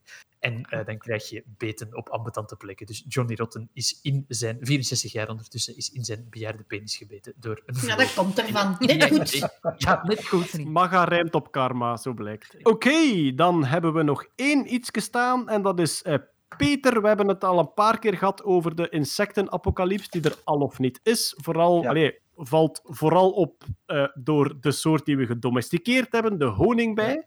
Maar ja. nu, nu zou er toch een vermoeden zijn dat, ja, dat ze meer weten over waarom die honingbijen sterven. Ja, het is, het is weer al een hypothese natuurlijk, want ehm, waar het eigenlijk over gaat is het verband tussen neonicotinoïdes, dus dat is een insecticide, gebaseerd, dat zijn moleculen die gebaseerd zijn eigenlijk op nicotine. Hè? En eh, vermits nicotine een zenuwgif is, werkte dus ook die neonics eh, in op de zenuwen van insecten. En daar is al heel lang discussie dat dat een eh, verband zou houden met het zogenaamde colony collapse disease. Dus ehm colony collapse wil zeggen dat uw bijen gewoon uw kast verlaten, van de ene dag op de andere. En daar zit enkel nog de koningin met een beetje eh, verzorgers bij en broed, en de rest van de werksters is weg. En niemand weet waar die naartoe zijn. Noemen ze dat geen, ehm geen Lucappermond-kolonie? En de- Omdat die zo laat en massaal uit de kast komen opeens? Ja, ja. Maar, in tegenstelling tot de kappermond, weten we dan niet waar die bijen naartoe zijn. Aha. Weg! Heb dat eens, heb dat eens bij Bart. Ja, Bart Keil heeft eh, mysterieus allemaal bijkasten. Stel je voor. Misschien is Bart Keil wel een hele goede imker. Dat Ja, kan. dat weet je niet, dat is waar. We hebben het nooit gevraagd. Maar enfin, goed, ehm, er is heel veel discussie. Dus ehm, heel de milieubewegingen en, en de tegenstanders van insecticiden ehm, beweren dat eh, de neonics vooral aan de basis liggen van die colony collapse. Maar eh, de industrie, dus de, de producenten, Bayer en dergelijke, om dan geen namen te noemen, die zeggen van ja, nee, dat is niet waar. Ehm, want we hebben, we hebben dat gif getest en dat gif doodt geen bijen. Maar er bestaat zoiets als wat ze nu noemen de subletale effecten. Dus die bijen gaan niet dood, maar er zijn allerlei effecten die spelen en die waarschijnlijk aan de oorsprong liggen van dat gedrag, dus van die colony collapse. En eentje van die, ehm, van die oorzaken zou nu misschien gevonden zijn. En dat is dat die neonics inwerken op het slaapritme van bijen. Hmm. Want bijen slapen. En ehm, Oh. vooral, vooral dus een bij, een bijwerkster leeft zes weken. Drie weken is die een werkster in de kast. En drie weken is het dan een vliegbij, een fourageerder, dus dan gaat ze honing halen. En het zijn vooral de vliegbijen, dus de oudere bijen, die echt een dag-nachtritme hebben. Dus die vliegen overdag en die slapen s'nachts. Maar ook de werksters in de kast nemen dat ritme over. Dus ook degenen die de hele dag, 24 uur per dag, in het donker zitten, in die kast, maar die komen niet buiten, die nemen dat ritme over. Dus die kast is over het algemeen s'nachts slapen die bijen, maar dat is eh, niet zoals bij ons. Maar die zijn dus heel kalm, die, die zitten vrij, eh, vrij inactief, zitten die daar allemaal. En door de dag is er dan eh, beweging. Maar wat gebeurt er nu? Heel dat ritme wordt verstoord en die, dat, wat ze dan noemen het circadiaan ritme, dus het dag-nachtritme, dat wordt verstoord. Die bijen die raken vermoeid, die kunnen ook niet meer, eh, en dat is uit vorig onderzoek ook al gebleken, ehm, slaaptekort leidt tot slecht dansen. Dus je weet dat bijen communiceren door te dansen. En ze kunnen minder goed dansen, dus ze kunnen minder goed communiceren en zeggen van oké, eh, daar is ehm, nectar te halen, daar is stuifmeel te halen. Dat is, dat is eigenlijk toch ook een beetje mijn studententijd. Slaaptekort leidt tot slecht dansen. Dat klopt Ja. wel. Ja. dat is ook voor bijen dus blijkbaar. Ja. Maar eh, ze hebben die slaap ook nodig ehm, om goed zich te kunnen oriënteren. Ze hebben dat dag-nachtritme nodig om te kunnen oriënteren op waar dat ze naartoe moeten vliegen. Er zijn ook nog andere activiteiten die eh, gekoppeld zijn aan het dag-nachtritme. Maar die neonics zouden dat helemaal verstoren. En, het zou dus, en dat was in een vorige onderzoek ook al geopperd, ook dus inderdaad een invloed hebben op de navigatie, waardoor die bijen dan vertrekken, de weg naar de kast niet meer terugvinden en gewoon verdwijnen. En, Dus ah ja, oké. Ja, dat is weer een echt- stukje van de puzzel. Verdwijnen uit verwarring en niet Ja, van ja, ja, het is ja. hier niet tof, we zijn weg. Nee, nee, nee, echt uit verwarring. Dat ze gewoon niet meer de weg naar huis kunnen vinden en gewoon wegblijven. Misschien ook nog voor, voor de duidelijkheid, staat ook in ons insectenboek, eh, nicotine, de stof, is door de plant ook aangemaakt als insecticide. Ja, eigenlijk. ja, ja, dat klopt. Ja, ja. Maar er zijn natuurlijk altijd insecten die daar weer een wegje rond eh, weten te vinden. Hè. Er zijn bepaalde rupsen die daarvan eten. Eh, een aantal bladluizen kunnen leven van eh tabaksplanten. Dus Ja. eh, dat is Maar maar dus- als je nu- 100% waterdicht. Hè. Maar als je nu tabaksplanten in je living zou zetten, gaat je dan muggen weren? Of werkt dat niet? Eh, nee, het is een contactgever. Dus het is niet, de, het is niet de, de, de, hoe zal ik zeggen, de, de dampen die zo'n plant zou kunnen afgeven. Dat werkt. Maar wat er wel wordt gedaan is, eh, gedroogde eh tabaksstelen werden vroeger in de kiekenkotten gele- kiekenkotten gelegd. Tegen de bloedluizen. Dus die gingen daarvan dood. Ah ja, maar ik, ik, ik, ik heb het tegen de muggen. Want er Nee. zijn er nog altijd, hè? Hoe zat is deze? Ja, ja, ja, ja, ja. Maar er zijn, ik heb eh, van de week nog ergens op de radio eh, daar nog uitleg over moeten geven. Ehm, de gewone steekmug overwintert in uw kelder en die is inactief. Dus die blijven daar gewoon zitten. Maar de geringde steekmug, die blijft actief tijdens de winter en die kan u nog even goed steken. De geringde steekmug zijn dat die waarmee dat ze op Barcelona vliegen? Ja, Die ze dan massaal in een camion naar Ginder voeren en die dan zo afkomen? Ja, ja, oké, ik dacht het al. een geringde steekmug. Ja, ja. Die, eh, en die moeten dan de weg naar terug naar huis vinden. Hè? Ja. Ja, ja, ja. Kom, kom, kom, kom, kom. Ja, dus. Maar dus, Dat is, het, dat is het geluid van heel mijn kindertijd. ja, voilà. Ja, ja, mijn schoonvader Zaliger was eh, op een duivenmelk. Kende de website van de duivenmelkers? Ja, ja.